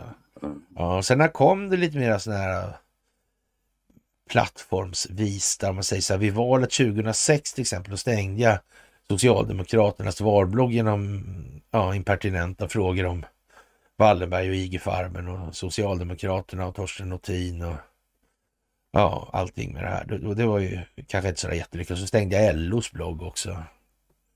Faktiskt. Mm. Det var inte så populärt alltid. Sen gick jag med i Socialdemokratin och tänkte det här måste vara Det var lätt. inte så populärt det heller. Nej, Nej, det var ju inte det alltså. Mm. Men hur, så en sak jag vill säga, det är de här reklambyråerna som man tar upp, Donald. Ja. Det där är inte en av de minsta funktionerna för att ha hållit igång det här jävla spektaklet. Nej, nej, nej, nej. Fy fan vilken jävla hopplös bransch. Mm. Men vilket, vad är det för samhällsnytta som har kommit från reklambyråer? Ja, kan man Det är en fråga sig. fråga man kan fundera. Ja, det kan man göra. Kan man fundera lite på. Mm. Kan man verkligen fundera på det. Mm. Ja, och eh, sen kommer vi till Leonardo Mm. faktiskt. Det gör vi. Vi Mm. hamnar i Italien. Ja. Pågår rättegångar där ja. Ja, Mm. faktiskt. Ja, och det finns svurna vittnesmål skriftliga Mm. på samröret och Leonardo och Eriksson sitter i, Ihop. kan man säga. Ja. Det kan man göra. Och Varför- sagt, Varför har de samma kontorsbyggnad tror du? det är för att de inte känner varandra. Kan det vara? Mm. Vet man ju inte. Det är den enda anledningen faktiskt. Och sen har vi som sagt var samtidigt med allt det här då så har vi den här rättegången mot över 320 personer alltså. Mm. Med misstänkta kopplingar till maffian Ja. i Italien och det är kokain. Ja. Och den här går ju liksom, ja. Ja vad det står. Ja men det är, jo här ja. Nu ska vi se. Rättegången har pågått i tre år och många av de misstänkta har kopplingar till Italiens högsta samhällsskick. Bland de åtalade finns politiker, advokater och en högt uppsatt polischef. Jaha. Tänk alltså. Så förargligt hörru. Ja. Konstigt. Mycket, mycket märkligt. Det har varit val i Argentina. Mm, det har det. Han var ju Och det... Han är rolig det här. Ja. Vi får se vad som händer. Där. det får vi göra. Bra, ska du se. Ja, det får vi göra. ja. Men Donald Trump, Men jag, han uppmanade till making Argentina great ja. again. Ja. maga i Sydamerika också. Ja. Mm. Ja, det, det blir nog bra, det tror jag faktiskt. ja, det ser speciellt ut alltså. Mm, det gör det verkligen. Sen har han lite skumma. Vad jag förstod så vill han lägga ner deras egen valuta och införa dollar istället. Men... Ja, och ta bort centralbanken vill han också. Ja, exakt. Ja, som, vi, som vi just man- pratade om här. Mm. Du, finns det någon så att säga, företagsgrupp eller företagsintressegruppering som dominerar i Argentina på något vis, som du uppfattar saken? Ja, det gäller faktiskt hela Sydamerika. Det ser ut som en jävla Investor-filial. Hela, Ja. hela den halv... Ja, det- så är det. Ja, Det är bara att det. googla. Ja. Ta, ta vilket jävla namn som helst i Sydamerika. Och så skriver du Ericsson eller ABB eller Atlas Copco efter. De är där. De har varit där i evigheter. Ja, eller alla andra företagen inom ramen för samma sfär. Så, så ja, jag vet Ja, inte. det är Det, det, det är ju en hel kontinent alltså. Ja, visst absolut. Ja, Och vi har haft eh, ja, det är ju gamla handelsförbindelser med hela Sydamerika. Ja. Sjöfart och grejer. Ja, ja. Så- ja. Ja, det verkar ju väldigt speciellt alltså. Och svenska storsjukhus blöder miljarder. Ja, Ja. ja. Sveriges största sjukhus går med stora ekonomiska underskott 23 och tvingas i tuffa beslut. Det är svårt för sjukvården att få ihop ekonomin framåt, säger Annika Wallenskog, chefsekonom på eh, Sveriges kommuner och regioner, där SKR betyder det. Mm. Och då undrar jag, eh, är det prislappen på varje vårdplats som har blivit så dramatiskt dyr alltså? Har, har den liksom, eh, går den nu prisutvecklingen i, i, i, linje med, med eh, de här underskotten hur de har ökat? Är det det det beror på? Eller är det så att man numera har en administrativ kostym? För, för i, i själva vården så skriker man ju efter personal. Det verkar liksom inte gå så bra att vårda med pengar. Nej, men så kan, man, Äh, äh. Samtidigt är det omöjligt att vårda utan pengar för då går det inte att driva. Så har vi byggt systemet. Jo, men, men, men eh, någonstans är det vad är syftet med det? Det är nog vård i alla fall. Ja, och, och, och då måste man ju så att säga sätta den. Det kanske man inte ska ha så mycket administration och kanske man ska ha en annan uppföljning, kanske en plattare organisation. Jag, jag, är ingen, jag är ingen expert på det, även om jag har viss insyn i, i vårdsvängen sådär. Alltså. Men, men det här verkar konstigt alltså. Mm. På hela taget. Ja, vä vä väldigt underligt alltså. Sen har du en, en kommentar, första kommentaren. Jag slutar ge gratis vård till hela världen är en bra början. Ja. Men försvinner skuldmättnaden då eller? Alltså jag säger inte emot det, visst, fine så. Men man kan väl säga så här. Hade vi inte haft det ekonomiska systemet vi har så hade vi nog kunnat haft gratis vård i hela världen. Ja men det kan man väl säga. Mm, det kan man göra. Det var bra om folk förstod det, så slapp de skriva så korkade kommentarer. Jag menar att eh, den sammanlagda summan för globala bankvinster mm. inte skulle räcka till en och annan vårdplats, det har jag svårt att tro. Ja, samma här faktiskt. Ja. Samma här. Men banker är ju viktiga som fan. Ja, ja, ja, ja, ja. Alla vet ju att ja, pengar är ja. ja. ja. Ja. Och det är bostads... eller byggsektorn uppgiven total byggkrasch. Ja. Mm. Konstigt att vi inte kan bara bygga fler och fler bostäder och sälja de där dyrare och dyrare till varandra. Görkonstigt. Jättekonstigt faktiskt. Att inte hela världen man kan leva på det och sälja bostäder till varandra. Ja. Egentligen skulle alla haft två, en de bodde i och sen en kunde deala med hela tiden. Så... Ja, eller hur? Ja, men så kunde det vara. Och, och, som sagt, tänk vad konstigt egentligen det här med Petra Lund, alltså president för Svea hovrätt. Sveriges nästa rikspolischef alltså. Mm. Och en av hennes centrala uppgifter är att trycka tillbaka den grova kriminaliteten enligt justitieminister Gunnar Strömmer. Beslutet landade i ett ja, men det var svårt. Jag är angelägen, angelägen om att få bidra och göra Sverige bättre och invånarna mer trygga, ska det väl så kanske? Ja. Mm. Mm. Och jag, jag får säga för första gången i mitt liv nästan mer eller mindre så har, känner jag lite att men jag kan nog tro på att hon faktiskt är ärlig när hon säger så. Ja. Att det är ja, en statstjänsteman som ja. jag liksom, ja, ja. jag har inte varit mycket för statstjänstemän förut. Ja, hon känner ju i alla fall eh, till eh, vem Robert O'Brien är alltså. Jo. Petra Lund ja. ja. det, var, he, det var henne som Robert O'Brien hade korrespondens och kontakt med. Här. Ja. ja, och Petra Lund vet definitivt vad abolitionsrätten är eftersom det var någonting som Robert O'Brien tog upp. Mm. Att man kunde använda sig av. Det känns lite grann som att han var ute för att lufta det lite grann. Något. Uh. Hänga ut på vädring typ. Ja, lite så va. Mm. Mm. För allmän åsyn. Uh. Sen är det ju en fördröjning tidsmässigt, tar några år innan det, men nu kommer det. Ja, precis alltså. Kommer det mer allmänt. Mm. Och i USA så är det väl inte så mycket som eh, pekar annat än syd vart för underlivsporslinet alltså. Alla... Det är precis som det ska vara. Ja, alla inser att han är kriminell alltså. Och har 20 skalbolag och gjort affärsuppgörelser med utländska makter och ljög om Hunter Bidens laptop och ja, sa att det var rysk desinformation och så vidare. Och mm. Alla kan liksom se hur illa det här är. Det är ungefär som i Sverige skulle man kunna säga när det här med Kulenstierna dyker upp, nu sitter ihop med Jonas Falk, det är den narkotikasmugglingen.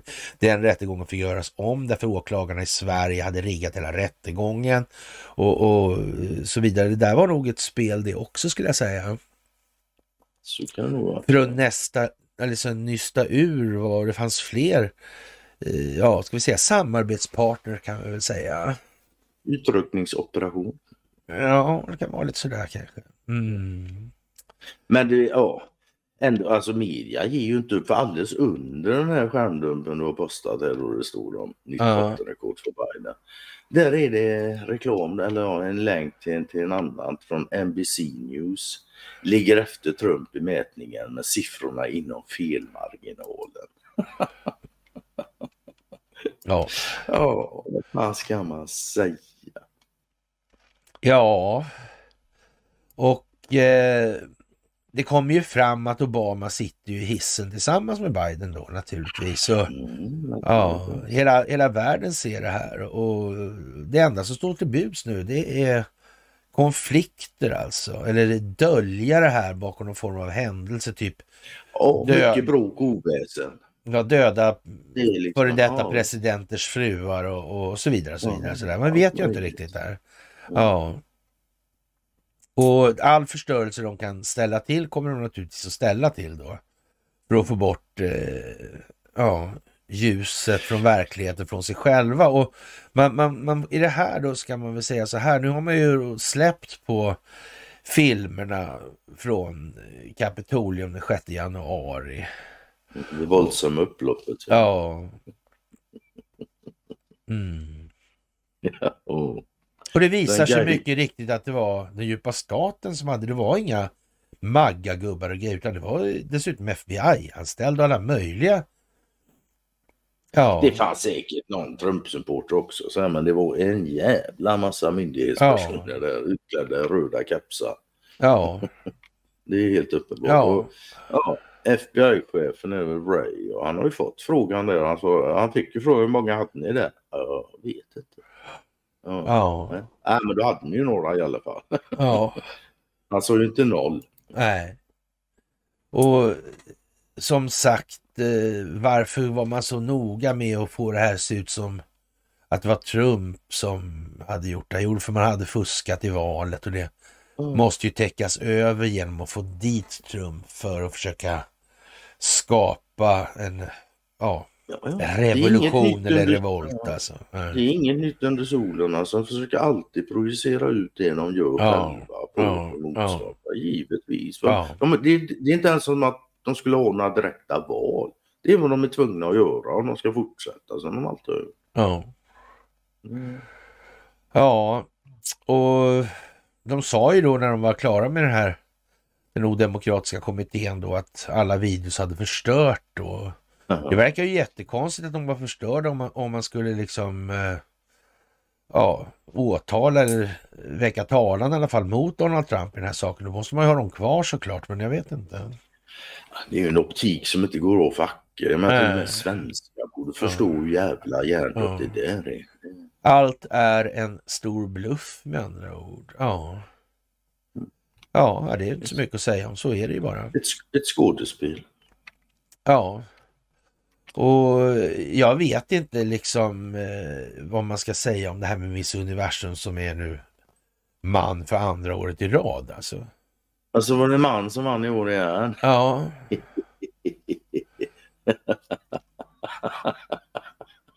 Okej.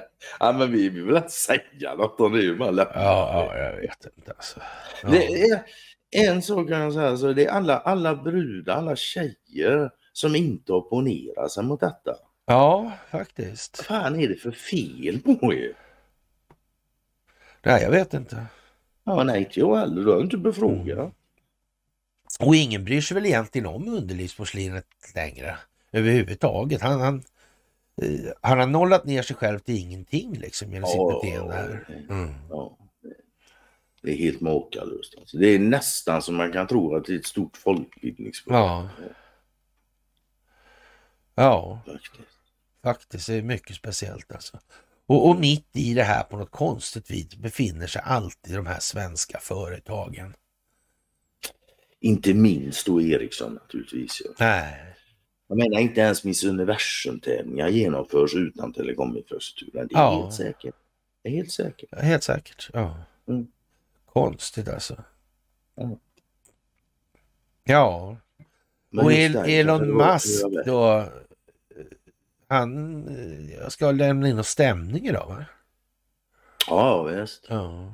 Det är, någon, och det är ju antisemitism och grejer. Och, Mm. Och där Media Matters, det är George Soros alltså. Ja. ja. IBM, Paramount, Apple och Disney, Warner Bros och Liongate och så vidare. Ja. Man kan säga det knyts ihop tycker jag. Mm. Undrar hur man kan tvinga in dem i det där. De finns på nätet, en ledtråd. En liten hint så Mm. bara. En, en blyg sådan, ja precis. Ja, ja. Så är det. Mm. Ja, ja. Är... Men sen på tal om Musk där och hans Twitter. Uh-huh. Tucker Carlson har tydligen lagt ut 40 episoder helt nu då på, på Twitter. Uh-huh. Och han har 2,1 miljarder Ja. reaktioner på det. Ja. Ja. Få stopp på det då, djupa staten om du kan. ja. Och det finns fortfarande människor som argumenterar för att Elon Musk står på djupa statens sida. Ja, visst. ja. Mm. Ja, som sagt, det är speciellt alltså. Ja. Men vem vet, Tucker Carlson kanske också står på djupa statens sida. Ja. Mm. ja. Och det här är mycket som är teater och mycket som kommer tillbaka, mycket som går igen. Det är lite speciellt på så vis nu. Faktiskt. Är du kvar eller? Frös bilden på dig? Jaha. Eh, Conny blev stillbild här alltså. Jag vet inte vad som hände. Han frös bara. Han kanske fick eh, kramp. Ja, ja, det är som det är med den saken nu. Och eh, ja, det här med situationen i USA som kommer att slå in här i landet. Det är någonting som, ja, det går inte som att göra så mycket. Det har aldrig gått att göra så mycket åt det här, utan det är bara som det är helt enkelt. Och eh, vi får eh, se tiden an. Det kommer att bli en mycket, mycket, mycket speciell tid framgent. Det kommer bli någonting som vi aldrig upplevt och det är rätt så fantastiskt faktiskt att få vara med om det här i det här skedet i människans historia. Det måste jag säga att jag tycker det är helt otroligt alltså. Och Eh, Donald Trump säger att så fort han är vald till president och ännu inte ens installerad kommer han skriva under några dokument som ska ge USA nya möjligheter. Och det i sin tur eh, säger väl kanske någonting om hur eh, läget är idag kanske. Det är ju en hint liksom. Den säger väl att, ja, vad ska jag säga? Han kanske har någonting med ja, befälsordningen att göra ändå då kanske. Sådär. Ja. Men det behöver ju inte göras mer tidigt än så. Och Biden har ju, ja, problem med siffrorna i det här med Gaza-kriget och ja. Dagens ungdomar är inte lika imponerade av det här med förintelsen och annat. När de märker att det har ljugits som in i helvete med saker så varför skulle de inte ha ljugit om det där också på något sätt? Konstigt alltså. Konstigt. Ja, man vet ju inte riktigt. Och Rumänien är väl inte sådär överdrivet förtjusta i Ukraina heller kanske. Nej. Det är väl så, de är inte sådär jätteförtjusta. Ja, det verkar bli en splittring i Östeuropa på något vis. Undrar om det är planlagt. Kan någon ha tänkt till? Kan det vara meningen rent utav? Man vet ju inte riktigt. Eller kanske gör man det om man tänker efter. Det är ju liksom det som är frågan. Vad är det här för någonting vi står inför? Vad är det för någonting som sker? Egentligen ens. Ja, speciellt alltså. Och, och det här med, med 2,1 miljoner eh, reaktioner på Tucker Carlsons videos, eller 2,1 miljarder alltså. Det är ju rätt mycket alltså. Det är rätt mycket det. Ja, faktiskt. Ja, och, och den här historien om Sverige, det verkar vara dags att ta tag i hur vi ser på oss själva och så vidare. Den svenska självbilden. Inte minst på individnivå. Nej. Ja. Speciellt, speciellt. Ja, och eh, Donald Trump har varit i Iowa. Eller Texas har han varit. The Lone Star State. Mm. Vad blir det av allt det här då? Jag vet inte. Och eh, Expressen skriver att svensk teknik kopplas till den nya domedagsbomben. Jag vet inte, det är en bärare vi snackar om där. Ja, det är det.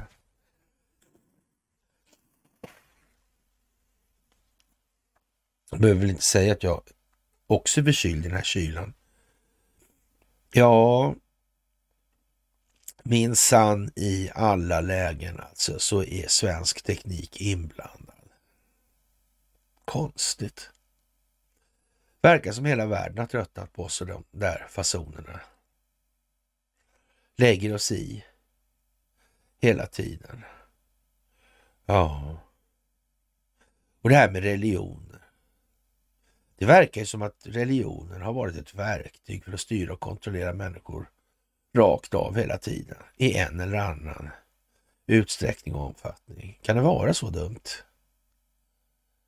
Det verkar nästan så. Fantastiskt alltså. Ja. Otroligt märkligt eller inte alls alltså. Ja, och eh, Jenna Ellis då för detta advokat till. Nu kommer Conny tillbaka ser ut Det kommer jag tillbaka till. Ja, den bara lov nätet. Jaha, ja ja. Ja, bara tappa helt ja. Jag väntar inte på dig så det var... Nej, det gjorde du helt rätt i. ja, och jag kommer ner till Jenna Ellis och eh, anklagelser om förräderi alltså. Kör vidare. Ja, och ja, vad ska vi säga? Det kommer ju komma fram mer och mer och mer och mer och mer. Och precis som vi har sagt från början att det skulle göra då så nu, nu blir det ju väldigt, väldigt tydligt här alltså. Och det är meningen, det är det som är optiken alltså. Det ska bli väldigt tydligt. Det går liksom inte att värja sig. Antingen är det folkbildningsprojekt eller så är det inte det. Exakt alltså. Mm. Ja. Så är det. Mm. Det är speciellt ja. Och skuldbördan springer iväg nya problem säger Ray Dalio alltså. Och eh, ja. Det kom som en total chock för dig kan jag tänka Ja, ja. och USAs skuldberg växer snabbt och det kan leda till stort. Kan det vara så ja. att det växer eh, ex, ja, exponentiellt då den här räntekostnadstillväxten? Kan det vara så? Ja. ja, det kan ju vara så. Kan vara så. Det kan inte... Det, det, det, det kan vara så. Jo, det behöver vara så. Ja, mm. visst. Och det är visst 58 dagar kvar till hundarna ska hoppa i löven då? Är det, är det frågan om de ska, är det någon som ska gömma sig eller ska lövhögen bli som alla lövhögar som barn hoppar i, tämligen platta? Mm. Ja, vi får se. Vi får se. Ja, det får vi se. Ja. Och eh, Dagens Nyheter där igår. Gisslan kan släppas under fem dygns paus och de lanserar begreppet stridspaus. Mm. Och, och, och, man bara dör. Förra gången begreppet stridspaus eh, existerade i något som helst större sammanhang så, så gällde det Lasse Åbergs repmånad. Det kanske är en fingervisning om vad det här är för någonting. För läser man, läs, läser man, läser man texten i eh, artikeln där så ser man väl kanske att det här är väl ändå lite fluffigt. Det här är inte hugget i sten alltså. Så. Det verkar ju som alla artiklar nu är gjorda för att folk ska fan börja tänka och ifrågasätta ja, lite ja, vad det är de fortsätter. Ja. Men sen är en bra konvention här. Så det är en Ove Nordberg här. Väga ord. Här. Paus. Intention om att återuppta. Upphöra. Intention om att avsluta. Ja. Och med det vanliga ordet som bor vapenvila är väl? Ja. ja. Mm. Men nej, det blir stridspaus. Ja. Sen ska vi fortsätta alltså slåss. Ja, tydligen. Mm. Och i och för sig, vila avslutas ju någon gång också. Så men det är ändå, ja det är skillnad. Orden ja, men, men eh, man, man, så, så håller man på med sådana där ord i, i de här sammanhangen så är det väl nästan en förutsättning man håller sig till stadfästa begrepp. Man kan liksom inte säga, kalla eh, alltså indirekt eld, olika omfattning och insatser för mer än vad det just kallas för i militära termer. Då får man finna sig i att hålla sig till den typen av begrepp som finns, i alla fall i möj möjligast förekommande mån. Annars kommer ju ingen förstå någonting liksom. Det... Ja, sådär. Ja, man kan väl säga det ger ju intryck då utav om man inte gör så så ger det, det intrycket att ingen ska förstå något. Man ja. försöker trolla bort det på något sätt. Mm, ja, fast Leka med orden. Ja, fast det vet jag inte. Men, ja, ja, nej, men nu, nu som jag sa innan, det här är ett folkbildningsprojekt. Du kan ju inte ha, du kan ju inte ha liksom en... Ja, vi är en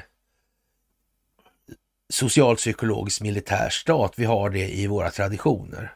Vi har haft indelningsverk och vi har liksom, ja, eh, säteri, säteriförordningen från 1623 till exempel. Vi har de här mönstringarna på Årsta gärde, alltså vid Årsta slott innanför eh, Mysingen och Älvsnamnsbassängen där Gustav II Adolf samlade flottan och innan man seglade iväg för att begå sjöröveri, höll jag i alla fall. Ja.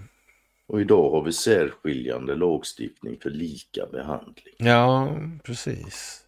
Mm. Och redan på Gustav Vs tid så skyddades ju kungahuset på de mest märkliga ja. sätt för att inte färgen på kulissen skulle flagna totalt. Alltså. Så frågan blir naturligtvis om begreppen abolition och absolut sekretess har tillämpats och om dessa kan missbrukas. Vi kan ju säga så här, hur tror du det var på Gustav Vs tid? Med abolition och så? Ja. Det var lättare för dem att använda det då än vad det är nu. Definitivt, absolut. Men tror du det förekom eller förekom inte? Nej, nej, nej. nej absolut inte, nej. Okej. Okay. Ja, jag, nej, jag, det var ju sån där grej de hade tillgång till men aldrig använde. Ja, ja, precis. Ja. Och eh, ja, det här med, med, med kungahuset och skambeläggningen i ren rökrutejustis alltså. Det är det och, och, jag vet, jag vet det. Ja, ja, ja, ja, men det är ju inte det som är. Det här är inte frågan om Nej. att säga att det liksom. Det måste skapa en tanke liksom ja. i, i det här. Så, vi, det, så man får ta den liksom det pedagogiska mm. otyget och, och ta tag i det också. Ja, man, man, kan väl säga som så att om inte den här artikeln väcker tankar i huvudet på folk så vet jag inte riktigt. Nej, men alltså det är jättekonstigt alltså. Så så sätt är det ingen pissartikel. Nej. Men, men jag tror att man ska kanske försöka tänka sig lite grann i det här med abolition, absolut sekretess eller om man nu det här gamla begreppet med tystnadsplikt till exempel och vem är det som har den här rätten? När bytte man det här? Varför bytte man det här? Varför tog Robert O'Brien upp det här? För handlar det om det svenska rättssystemet? Har kungahuset ett Eh, ett finger med någonstans eller tvingade igenom kanske. Varför, varför åkte kronprinsessan och träffade Hariri till exempel? Det är en vapenhandlarfamilj som förser Muslimska brödraskapet, alltså sunnisekteristisk extremism med vapen. Det, varför träffar hon honom för till exempel? Alltså, det finns ju ett otal alltså, Ja, ja visst är det så. Men problemet med den här artikeln är att det nämns ingenting om sånt överhuvudtaget. Alltså. Nej, men det är inte problemet. Det är det som är, är det Nej, bra men, med den här artikeln. Nej, men om, om, folk inte ens känner till den här Nej, men, men, men, i relation till Nej, men de, det, det går inte. Utan det får man väcka med andra artiklar. Nej, jag tycker perspektivet på den här blir ju helt enkelt att det, det här ser ut att vara bägge bäddat. För som jag sa innan, drottning Silvia har alltså hållit en hög profil när det gäller människohandel. Ja, det verkar som att skyddat en sån. Ja. Och hela den här artikeln så här bara liksom, nej men det är ju bara rök. Det är liksom bara... Jo men alltså, och, och, det må ju vara så att det går ut på att, så att säga, kvadda förtroendet eller mm. sympatierna för kungahuset. Så, så är det absolut alltså också. Det, mm. men, men, och varför? Det måste ju komma ett motiv någonstans också. Och ett mm. av motiven kan ju vara då till exempel det här med eh, Karl Gerhards roll som togs upp i, i fe, Femina häromdagen då. Ja, och, och, och kopplingen mellan Karl Gerhard och, och, det finns ju i texterna till och med. Så, så, så hur, hur, hur visste han det här liksom? Vad var rättsrötaffärerna för någonting? Mm. Det är ju liksom, det är ju intimt sammanknappat. förknippat? Och är det egentligen ens så att Gustav V fick några barn? ska vi inte vara helt säkra på. Nej. Karl Gerhard hade ju så här barn så de kan ju ändå. Men, ja, ja, jo, jo, jo, jo, men... Men vi ska inte vara helt säkra på att men, men det är ju en lätt fråga att besvara. Nej. Men han krönte sig aldrig. Va? Han krönte sig aldrig. Vigora? Nej. Det visste jag inte. Nej. Kolla på den länken jag la på, la på den där. Så får du se. Som kommentar? Ja, det står på kungahusets sida. Ja, inte på den här artikeln utan den ja. tidigare alltså. Ah, okay. Ja, ja. Jag, har inte, jag har inte riktigt hunnit med alla kommentarer. Och, så. och fan, det har jag ingen aning om att han aldrig krönt. Nej, varför gjorde han inte det tror Det är det du. Ja. Aha. Ja, då går det inte att schabbla med blodslinjerna tror jag. Då kan det nog bli straffbart på något vis. Mm. Mm. Mm. Ja. ja. Ja, eller hur? Ja, lite speciellt får jag nog eh, säga. Ja. Och ja, som sagt. Eh, ja, det är, det är ju fint med alla de här äh, italienska påvefamiljer och adelsfamiljer och kungahus och jordens maktstruktur. Alltså det där tycker jag jag blir så jävla trött på egentligen nu. Jag trodde vi hade kommit förbi det där. Faktiskt. Är det någon som på allvar tror att eh, Rothschild har jättemycket att hämta mot eh, Ja, ja, tyvärr finns det människor som fortfarande tror det. Ja, men det är det som är så... Jag, alltså, jag, jag håller med dig fullständigt, inte emot. Men tyvärr, nej. Det finns människor som fortfarande tror det. Ja. Det är fan helt makalöst. Mm. Ja, jag fattar inte varför man då inom det här gänget för egennyttig verksamhet och då vill man ju tjäna på mest själv och då gör man ju det genom att ta livet av sina konkurrenter alltså som må de vara släkt eller inte, det spelar väl ingen roll. Mm. Nej, men varför har man inte bara varför har inte någon bara låtit lönnmörda resten? De får vara kvar för att vad? Jag frågar inte mig. Nej, jag vet inte heller alltså. Nej. Nej men man blir lite trött när man läser kommentarer som de nämner Bernadotte och Wallenbergarna som Ja, svarar ja. mot Black Nobility högre upp i hierarkin. Ja. Ja. ja. Ska vi åtala dem då för det eller ska, eller ska de åtalas för Black Nobility-deltagande eller vad? Och vad är en Black Mobility, Nobility utan telekominfrastruktur Ja. och kraftproduktion? Och mineralutvinning, naturresursflöden. Ja, Det är ingen Black Nobility som de svarar upp till en högre upp i hierarkin. Ja, äh, visst. Fine. ja. Nej, det är Ja, helt, be- helt Ja, bedrövligt. hur fan man lyckas få ihop det i skallen, det är Ja. svårt att förstå. Ja. Alltså, Man kan tro på det själv. Ukrainas riksåklagare i alla fall kan bevisa 109 000 krigsbrott, dock inte uttryckt vem som har begått dem skulle man Nej, kunna inte det. sammanfatta det som. Alltså. Mm. Och, Det kan vara en och, snabb sammanfattning. Bra. ja, Det faktiskt. är Alltså. precis så är. Och, och skandalkvinnans ord om Madeleines festkväll i USA i måndags alltså. Det är ju som någon skrev här, ja, Vibeke Rosenqvist Lidström. Är svensk dam så här på hugget så överväger jag en prenumeration, ja det kan man väl säga. Ja, Det var ju, det verkar ju Ja. som att kungahuset har en roll att spela här på slutet. verkar som de känner folk ut alla Ja. kanter. Ja, det verkar som att kungahuset används i olika sammanhang med olika syften. Låtit sig bli använt. Ja, För helt utan egen skuld, det är de inte. nej, det är de inte faktiskt. Ska de vara jävligt klart för sig. Ja. Ja, ja, ja, ja. Och sen kommer det här med Peter Rätts upp. Ja. det var ju konstigt alltså. Ja. Och tänk att det kommer upp eh, samtidigt som vi får lä- läsa om eh, polisens arbetssituation som ju inte var Mm, så... Så bra, nej. Nej, så kommer det här upp. Och Peter Rätts, ja det var ju Dick Sundvall som gjorde den här eh, boken och hanterade den där. Mm. Mm. Fast det var egentligen en spegel av den verksamhet som pågick inom ramen för kriminalunderrättelsetjänsten på den tiden. Och jag hade ett par sådana där också anställda. Och det gick, gick så långt så att någon av dem försökte faktiskt sälja illegala vapen, Max Åström där. Ja, då förstod jag att det här hade blivit lite någonting annat än vad det hade varit tidigare. Ja, Ja, sådär ja. Ja, det var jättekonstigt. Men det kanske berodde, visste inte polisen att eh, Max Åström eh, jobbade åt mig kanske? det är inte lätt att veta vad andra vet men Nej. Det verkar föga troligt. Nej, det var inte det. Va? Nej, för Ja, jag, jag, jag, hade ju, jag hade ju haft samarbete med, med kriminalunderrättelsetjänsten i många år. Alltså. Så jag har till och med Mm. dokumenterat bevis hur duktig jag är på allting sådär. Mm. I de Det var sammanhangen. inte jag, det kan jag Eh, säga. I eh. de sammanhangen. Men det gick inte så bra efter det där. Alltså, det spårade ju ur där på 90-talet. Alltså. Mm. Eh, Eller på 2000-talet där i början. Mm. Men det var lite konstigt. Ja, det var nog en upp, Kanske- upplevelse kanske- att befinna kanske sig någon- mitt i. Kanske Petra Lund har någonting att ta tag i där. Möjligt. Ja. Man vet inte, de kanske behöver ledarskapsutveckling på polisen, man vet ju inte. Det är ju bra att de har fått en.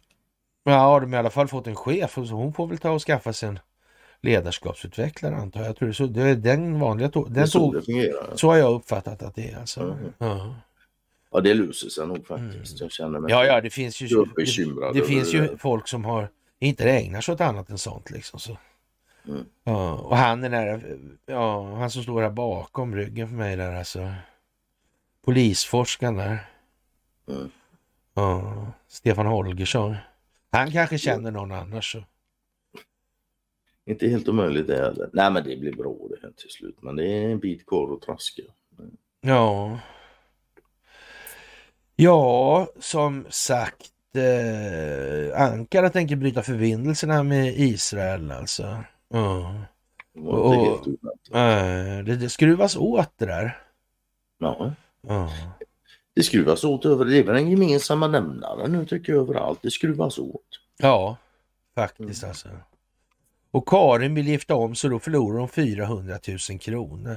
Ja, anledningen till att man gifter sig är alltså att man vill ingå ett ekonomiskt engagemang alltså. Mm. Ja. Det, Jag kan säga för egen del. Jag är ju gift och sådär och det var inte min idé att vi skulle gifta oss, det kan jag ju säga. Men jag frågade min fru när hon propsade här, liksom varför. Mm. Svara på faktiskt. Jag tror kan göra det än idag. Nej. Men anledningen till att jag inte tjafsar och sådär, ja, dels för att vill hon det spelar inte mig någon roll så sett. Men Ja. det är ju också som så här att det blir mycket smidigare om man är gift och någon dör, och speciellt om du har barn och sånt. Med andra ord, det är en ren jävla affärstransaktion. ja, Ingen annan. Och, och det är väl inte mer än Och så. sen är det då matat med romantiska idéer och sånt, inte minst på tjejer. Och de, och de skulle gifta sig, den generationen vi är ifrån. Så Mm. Det är så himla eh, noga och viktigt att, att vara gift. Ja, och ska man skita i det där med relationen sen? Ja, Det är för inte, li- det är för inte lika det- viktigt. För det var också ett argument jag tog då när jag, frågade så jag tror det är svårare för mig att, att lämna förhållandet om, om man lackar ur bara för vi är gifta. För det kan jag säga, men det är det inte. Så nej, det förstod hon. Men nej, hon ville bli gift ändå. Så ja, fint, då gifte vi oss. Men eh, Mm. ja, jag tyckte det var konstigt då. Jag tycker det är konstigt nu. Ja, det är lite konstigt faktiskt. Mm. Det kan man säga. Mm. Speciellt som hon inte vill vara religiös. Alltså. Ja. Mm. Ja, Ja, ja. Den, den 72 Miss Universum alltså kom från Nicaragua. Ja, var en annan alltså. ja det sägs ju så i alla fall. Mm. Ja, så sagt. Eh, Mm. och ja, och vi har så mycket bevis på valfusk och eh, jag ser fram emot att eh, introducera de här i mina rättegångar, tycker Donald Trump. Ja, Det kan jag förstå. Vi får se om det går så långt. mm. Mm. ja det får vi se. Men om det går så långt så inte mig emot och så tv-sändning på det. Fan, visst. Ja. Det, är Faktiskt. inte, det är inte bara han som ser fram emot att det ska upp i rätten, det kan jag Mm. säga. Nej, och eftersom han själv har uttryckt då att innan han har blivit insvuren som president så kommer han att skriva på ett antal Ja, just det. nya lagar. Det innebär ju då per funktionsmässig definition att då har han befogen, göra det till- befogenheten att göra det och det är befogenhet. liksom inte så mycket kvar att prata om då alltså. Nej, antingen har han det så Ja, har han inte ja, det. Och får man vara riktigt jönsig för att inte begripa det. Ja, då kan man säga, då måste man förstå att det här är ett folkbildningsprojekt och så måste man se till att det här folkbildningsprojektet går i land genom att hjälpa till och utgöra den förändring som man faktiskt vill se i sin omvärld. I alla Ja. fall om man vill minska lidandet både för Mm. sig själv och alla andra. Då måste man det, annars så måste man inte. Ja, och Liberalerna har haft landsmöte och de tycker att EU ska öppna dörren för Ukraina. Och, och, och jag vet inte om man ska kommentera det eller inte. Det verkar Ja, nästan... de, de fortsätter gräva sin egen grav. Ja. Vad ska vi med de här jävla partistrukturerna till? Ja, Och de gör det bara tydligare och tydligare. När Ja. barnen kom igen. precis alltså. Och Joe Biden kallar Xi Jinping för diktator, men det vet jag inte, då var vi, då var vi inne på redan förra gången. Till Blinkens stora förnöjelse. Ja, precis alltså. Ja, Ja. ja, ja det är Och, liksom... sen, ja, och sen har vi nu då SP, Svenska Dagbladet, ja. Om Elon Musk här som fördöms för främjande av antisemitism. Nu ska den jävla kunissen ner. Det ska bli gott att se. Ja, Nu ska det där upp och tittas på. Fan, de där orden. ja. Och nämndemännen i Sundsvalls tingsrätt ljög för den tillreste domaren när han frågade om, om möjligt jäv. Då, Vilka ja, fulingar. Ja. Får man göra så ens? Nej, det lär man inte få göra. Men, men, men det, det var väl kanske själva syftet att få dem att ljuga om det där. Så kan det vara. Så kan det ha varit, ja. Det Mm. Det är som ett Sassman-fönster där. Mm. Det finns ingen Ja, på Det tingsrätt som är har mer en tagit... Sassman-dörr. Ja. Garageport. Ja, dörrs, ja, precis. En hussida kanske. Ja, till och med. Eller Ja. på Ja. huset. Ja, Det är ju otroligt alltså vad de får till det i Sundsvall hela tiden. Ja, jag tycker jag det är en otrolig måndag det här faktiskt. Ja. Mm, Och, och, sen vi, det här med, med rättsrötaffärerna kan kanske då möjligtvis Karl Gerhard ha känt till någonting av det här. För eh, Femina går alltså ut och Karl Gerhard tog med sig hemligheten i graven, det vill säga att han var homosexuell. Alltså. Mm. Och det här rättsrötaffärerna handlar ju om det här då. då. Mm. Och, och där gick det så långt som man köpte upp hela upplagan av Ja, eh, en bok där och förvarade, förvarade den i källaren på polishuset helt enkelt. för säkerhets skull. På Ja. Bergsgatan, ja vad fint. Och sen ska man ju vara på den här tiden så är ju homosexualitet alltså olagligt. va, Så det Ja. är därför det ja. tvungen att smusslas Ja. då. Men jag menar, det är ju så sjukt nu. Det är inte olagligt längre. Så fan ska det smusslas? Men jag har otroligt svårt liksom att hur länge ska man dra ut på det här och hur ska det ens vara möjligt? Alltså när DNC hade ju då eh, eh, införde en fantastiskt smart regel då att det, det konventet nominerar, det går inte att bryta på det. När konventet har nominerat någon så är det nominerat och sen är det inget mer med det liksom. Mm. Ja, och, och får man då eh, den här Gavin Newsom då, eller vad han heter, och, och, och, ställa upp på det där. Ja, och sen hoppar han av precis efter, då har de ingen alls. Nej. Men Nej, Mike- Michel. nej, Nej, de får inte in det. nej, det är, hon, han, han då är inte nominerad av konventet. Nej, exakt. exakt. Nej, Hm. Ja, det var ju lite dumt gjort. då kan man ju säga så här i förlängning på det. Kanske de ska låta, men det vet nog Demokraterna, tror du inte det? Det här, alltså, de kände till att de har infört den här regeln, det tror jag. Ja, Ja, ja, själv, får vi utgå Det, det, det får vi utgå ifrån. Och då kan man ju säga så här, men nu har, vi kommit, har de ju kommit i lite olycklig sits där med Ja, vi har ju, de har ju ingen direkt som det kan stå på. Hur fan skulle man få in Hur fan skulle man få in Michelle Obama? Ja, de måste nog ändra på reglerna där alltså. Mm. Så, det vill säga de måste kunna ta in en utifrån som inte är nominerad av Demokratiska partiet på något vis alltså. Det måste till någon regeländring. Ja, det kan jag tänka mig. Det hade varit optiskt och fint hur de bara ändrar reglerna när det inte passar. Ja, fast kanske skulle väl eh, det kunna fylla till syfte då? Tänk om de tänker så här då att Donald Trump kanske inte är så förtjust i Republikanerna. Det är alldeles för många rhinos. Mm. Och de han får med sig får han ju med ändå. Liksom. Mm. Mm, de lämnar ju bara Republikanerna då. Man kan säga så här, det luk börjar lukta lite någon tänker sänka Hela partis... partistruktursystemet, ja just det. Så. Jo, men det håller vi varit inne på några gånger också, att det måste gå dit. Mm. Och visst. Men då låter man naturligtvis ja, Demokraterna hänga upp det på alltihop. Ja, det är ju smidigast. Mm. Som Jag tror man, fan, kan man ordna det så, så tror fan ja, Ja, ja, ja, absolut. Eh, Ingen kan klaga. va? fak- faktiskt alltså. Och den här Mike Johnson har alltså släppt de första delen av januari, 6 januari övervakningskamerafilmerna. Ja, first batch. Ja.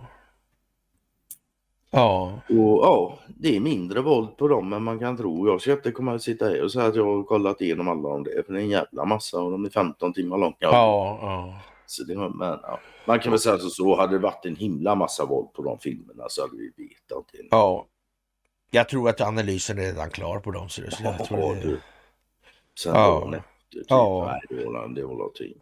Och Wolfgang Hansson har påstått att Putins dagliga mål är att skapa oreda och kaos och nu vet inte jag eh, om, det här är ju liksom en rena skämtartikeln i alla sammanhang alltså. Wolf har inte skrivit mycket annat Mm. än skämtartiklar egentligen. Ja, Han kommer inte hamna på rätt sida staketet. Det har jag det har jag också svårt att tro, eller möjligtvis så är han ju där redan. Men, ja, men eh, amerikansk, den 2 november har lagen eh, HR 5404 Countering Chinese Espionage Act föreslagen av amerikanska kongressledamoten Scott Fitzgerald så antogs av den amerikanska arrestkommittén med en röst 24-0. En ny amerikansk lag återkallar kinesiska patent och 20 000 Huawei patent kan bli ogiltiga. USA har för avsikt att ta äganderätten till Huaweis patent, debitera användare och behålla intäkterna. Ja, då skriver man då upp en stöld då från, eh, tyckte de var kritiken mot det där, vilket det naturligtvis inte är, utan det, vad handlar det här om ser då? Det ser ut att vara ett prejudikat tycker jag för vi Ja, men eller hur? framtida Ja, fram- åtgärder. Framtida användning i Kina skulle jag säga. Ja, lite här och där helt Mm. enkelt. Man, kan, man kan faktiskt säga så här, alltså lite, och om man ska vara lite krass kan man säga så här att det handlar om att uniformera, alltså göra, ja, eller unifiering, alltså en världsstandard Mm. i det här. Mm. USA snor allt kinesiskt. Kina och de andra länderna snor allt Ericssonskt. Ja. Mm. Och sen kan man enkelt jämka ihop det här. Mm. Fast under andra styrspakar. Ja. Ja. Det är ju liksom inte så svårt kanske. Nej, det... Nej. Bianca Ingrosso i Storbro, Tilde de Paolo. Det här är konstigt där med familjen Wahlgren där hela tiden. Happy ending. Tycker jag. Ja, ja. Ja. Jo, här brorsan var ju med på swish, samma swishlista som eh, Patrik. Sommerlott ja. ja. Mm. Och syrran där håller någon show här nu då som heter Ja. Betting, så- Ja. Ja, det- är lite speciellt måste jag Man, man säga. kan väl säga också, alltså hela det jävla åh, nöjesträsket. Vad fan, hur samhällsutvecklande är det? Jag har inget mot underhållning och sånt där jo så det men det är som vanligt, det får inte bli excesser. Mm. Saker och ting. Nej. Mm. Men det beror mer på mig än dem kanske men jag har aldrig hört de här människorna säga någonting jag tycker är vettigt. Nej. något. Med det sagt så har jag inte lyssnat ihjäl mig på dem heller. Det ska Ja. jag säga. Va? Men det går ju fan att undvika. Va? Ja. Och det jag hör det är liksom, ja, jag får absolut ingen som Ja. jag har aldrig fått lust att lyssna på dem. Ja. Ja, jag vet inte det här med, med läckage från gasledningen Nord Stream två kan, eh, ett och två kan gö göra att Sverige får stora böter alltså. Vilken jävla otur. Ja, jävla otur. Ja. Ja, den tyckte jag var jävla rolig. när jag såg den. ja, ja, det kostar att ligga på topp. Ja. Eller vad fan ska man säga? Ja, och, och Donald Trump han, han håller på att ondgöra sig över att det är så dåligt nu för tiden med, med Kina och så vidare och det här med han hade överenskommelse med Xi Jinping och, och så vidare. Mm. Ja. Och det här med fentanylet. Ja. Ja, Det är mycket som kan bli rätt mycket bättre ganska snabbt. Och det är väl sånt som man kan tänka sig att han tänker skriva på. Ja, han tänkte ju till och med ha ett litet skrivbord i trappen på vägen upp till Okej, det är Ja, det jag ja, inte- jo, det sa jag, han säger det alltså. Ja, okej. Ja, så. Alltså, jag För har det- varit lite seger i helgen med Ja. Fosse och skit. Mm. Så det är ju en enorm utveckling nu. Men ju absolut att det kan bli bättre mycket. Det är ju bara att titta vad som hände i USA när, när Trump blev president. Blev det snabbt mycket bättre för den amerikanska befolkningen? Ja. det blir Svar det. ja. ja. Och sen kom eh, Biden. Blev det snabbt mycket sämre för den? Svar ja. Ja, men det blev det. Mm. Ja, det är spännande du. Ja då. Verkligen. Jag klagar inte igen Ja. Det är innehållsrikt. Ja, ny vecka är igång Mm. och eh, dagens mys till ända. Vi, Digitala avbrott och allt. ja, vi hörs, ja, det gör inget som du brukar gå på pausen då sådär så mellan varven. Ja, ja, visst, va. så det är lugnt. Jag passade faktiskt på då men jag var och kollade. Ja, titta, på, titta det. Reuters Mm. och Så. Så Passade vi- faktiskt på pinka. Vi undrar vad som kom först, hönorna eller ägget alltså. Ja. Ja, bortsett från det kära vänner, ni ska ha det största av tack för allt ni gör i det här. Absolut. Och eh, vi återkommer då senast på onsdag vid nästa Mm. tillfälle. Så Och får då är ni... jag förhoppningsvis hemma igen. Ja, precis. Ja, och friskare. Mm. Ja, det hoppas jag också. Lite mindre stel i kroppen. Ja, då så. hoppas frossan har försvunnit. Då hörs vi senast på onsdag så får ni ha en väldigt trevlig måndagkväll alle- allesammans. Absolut. Och tack ska ni ha. Hej! Tja.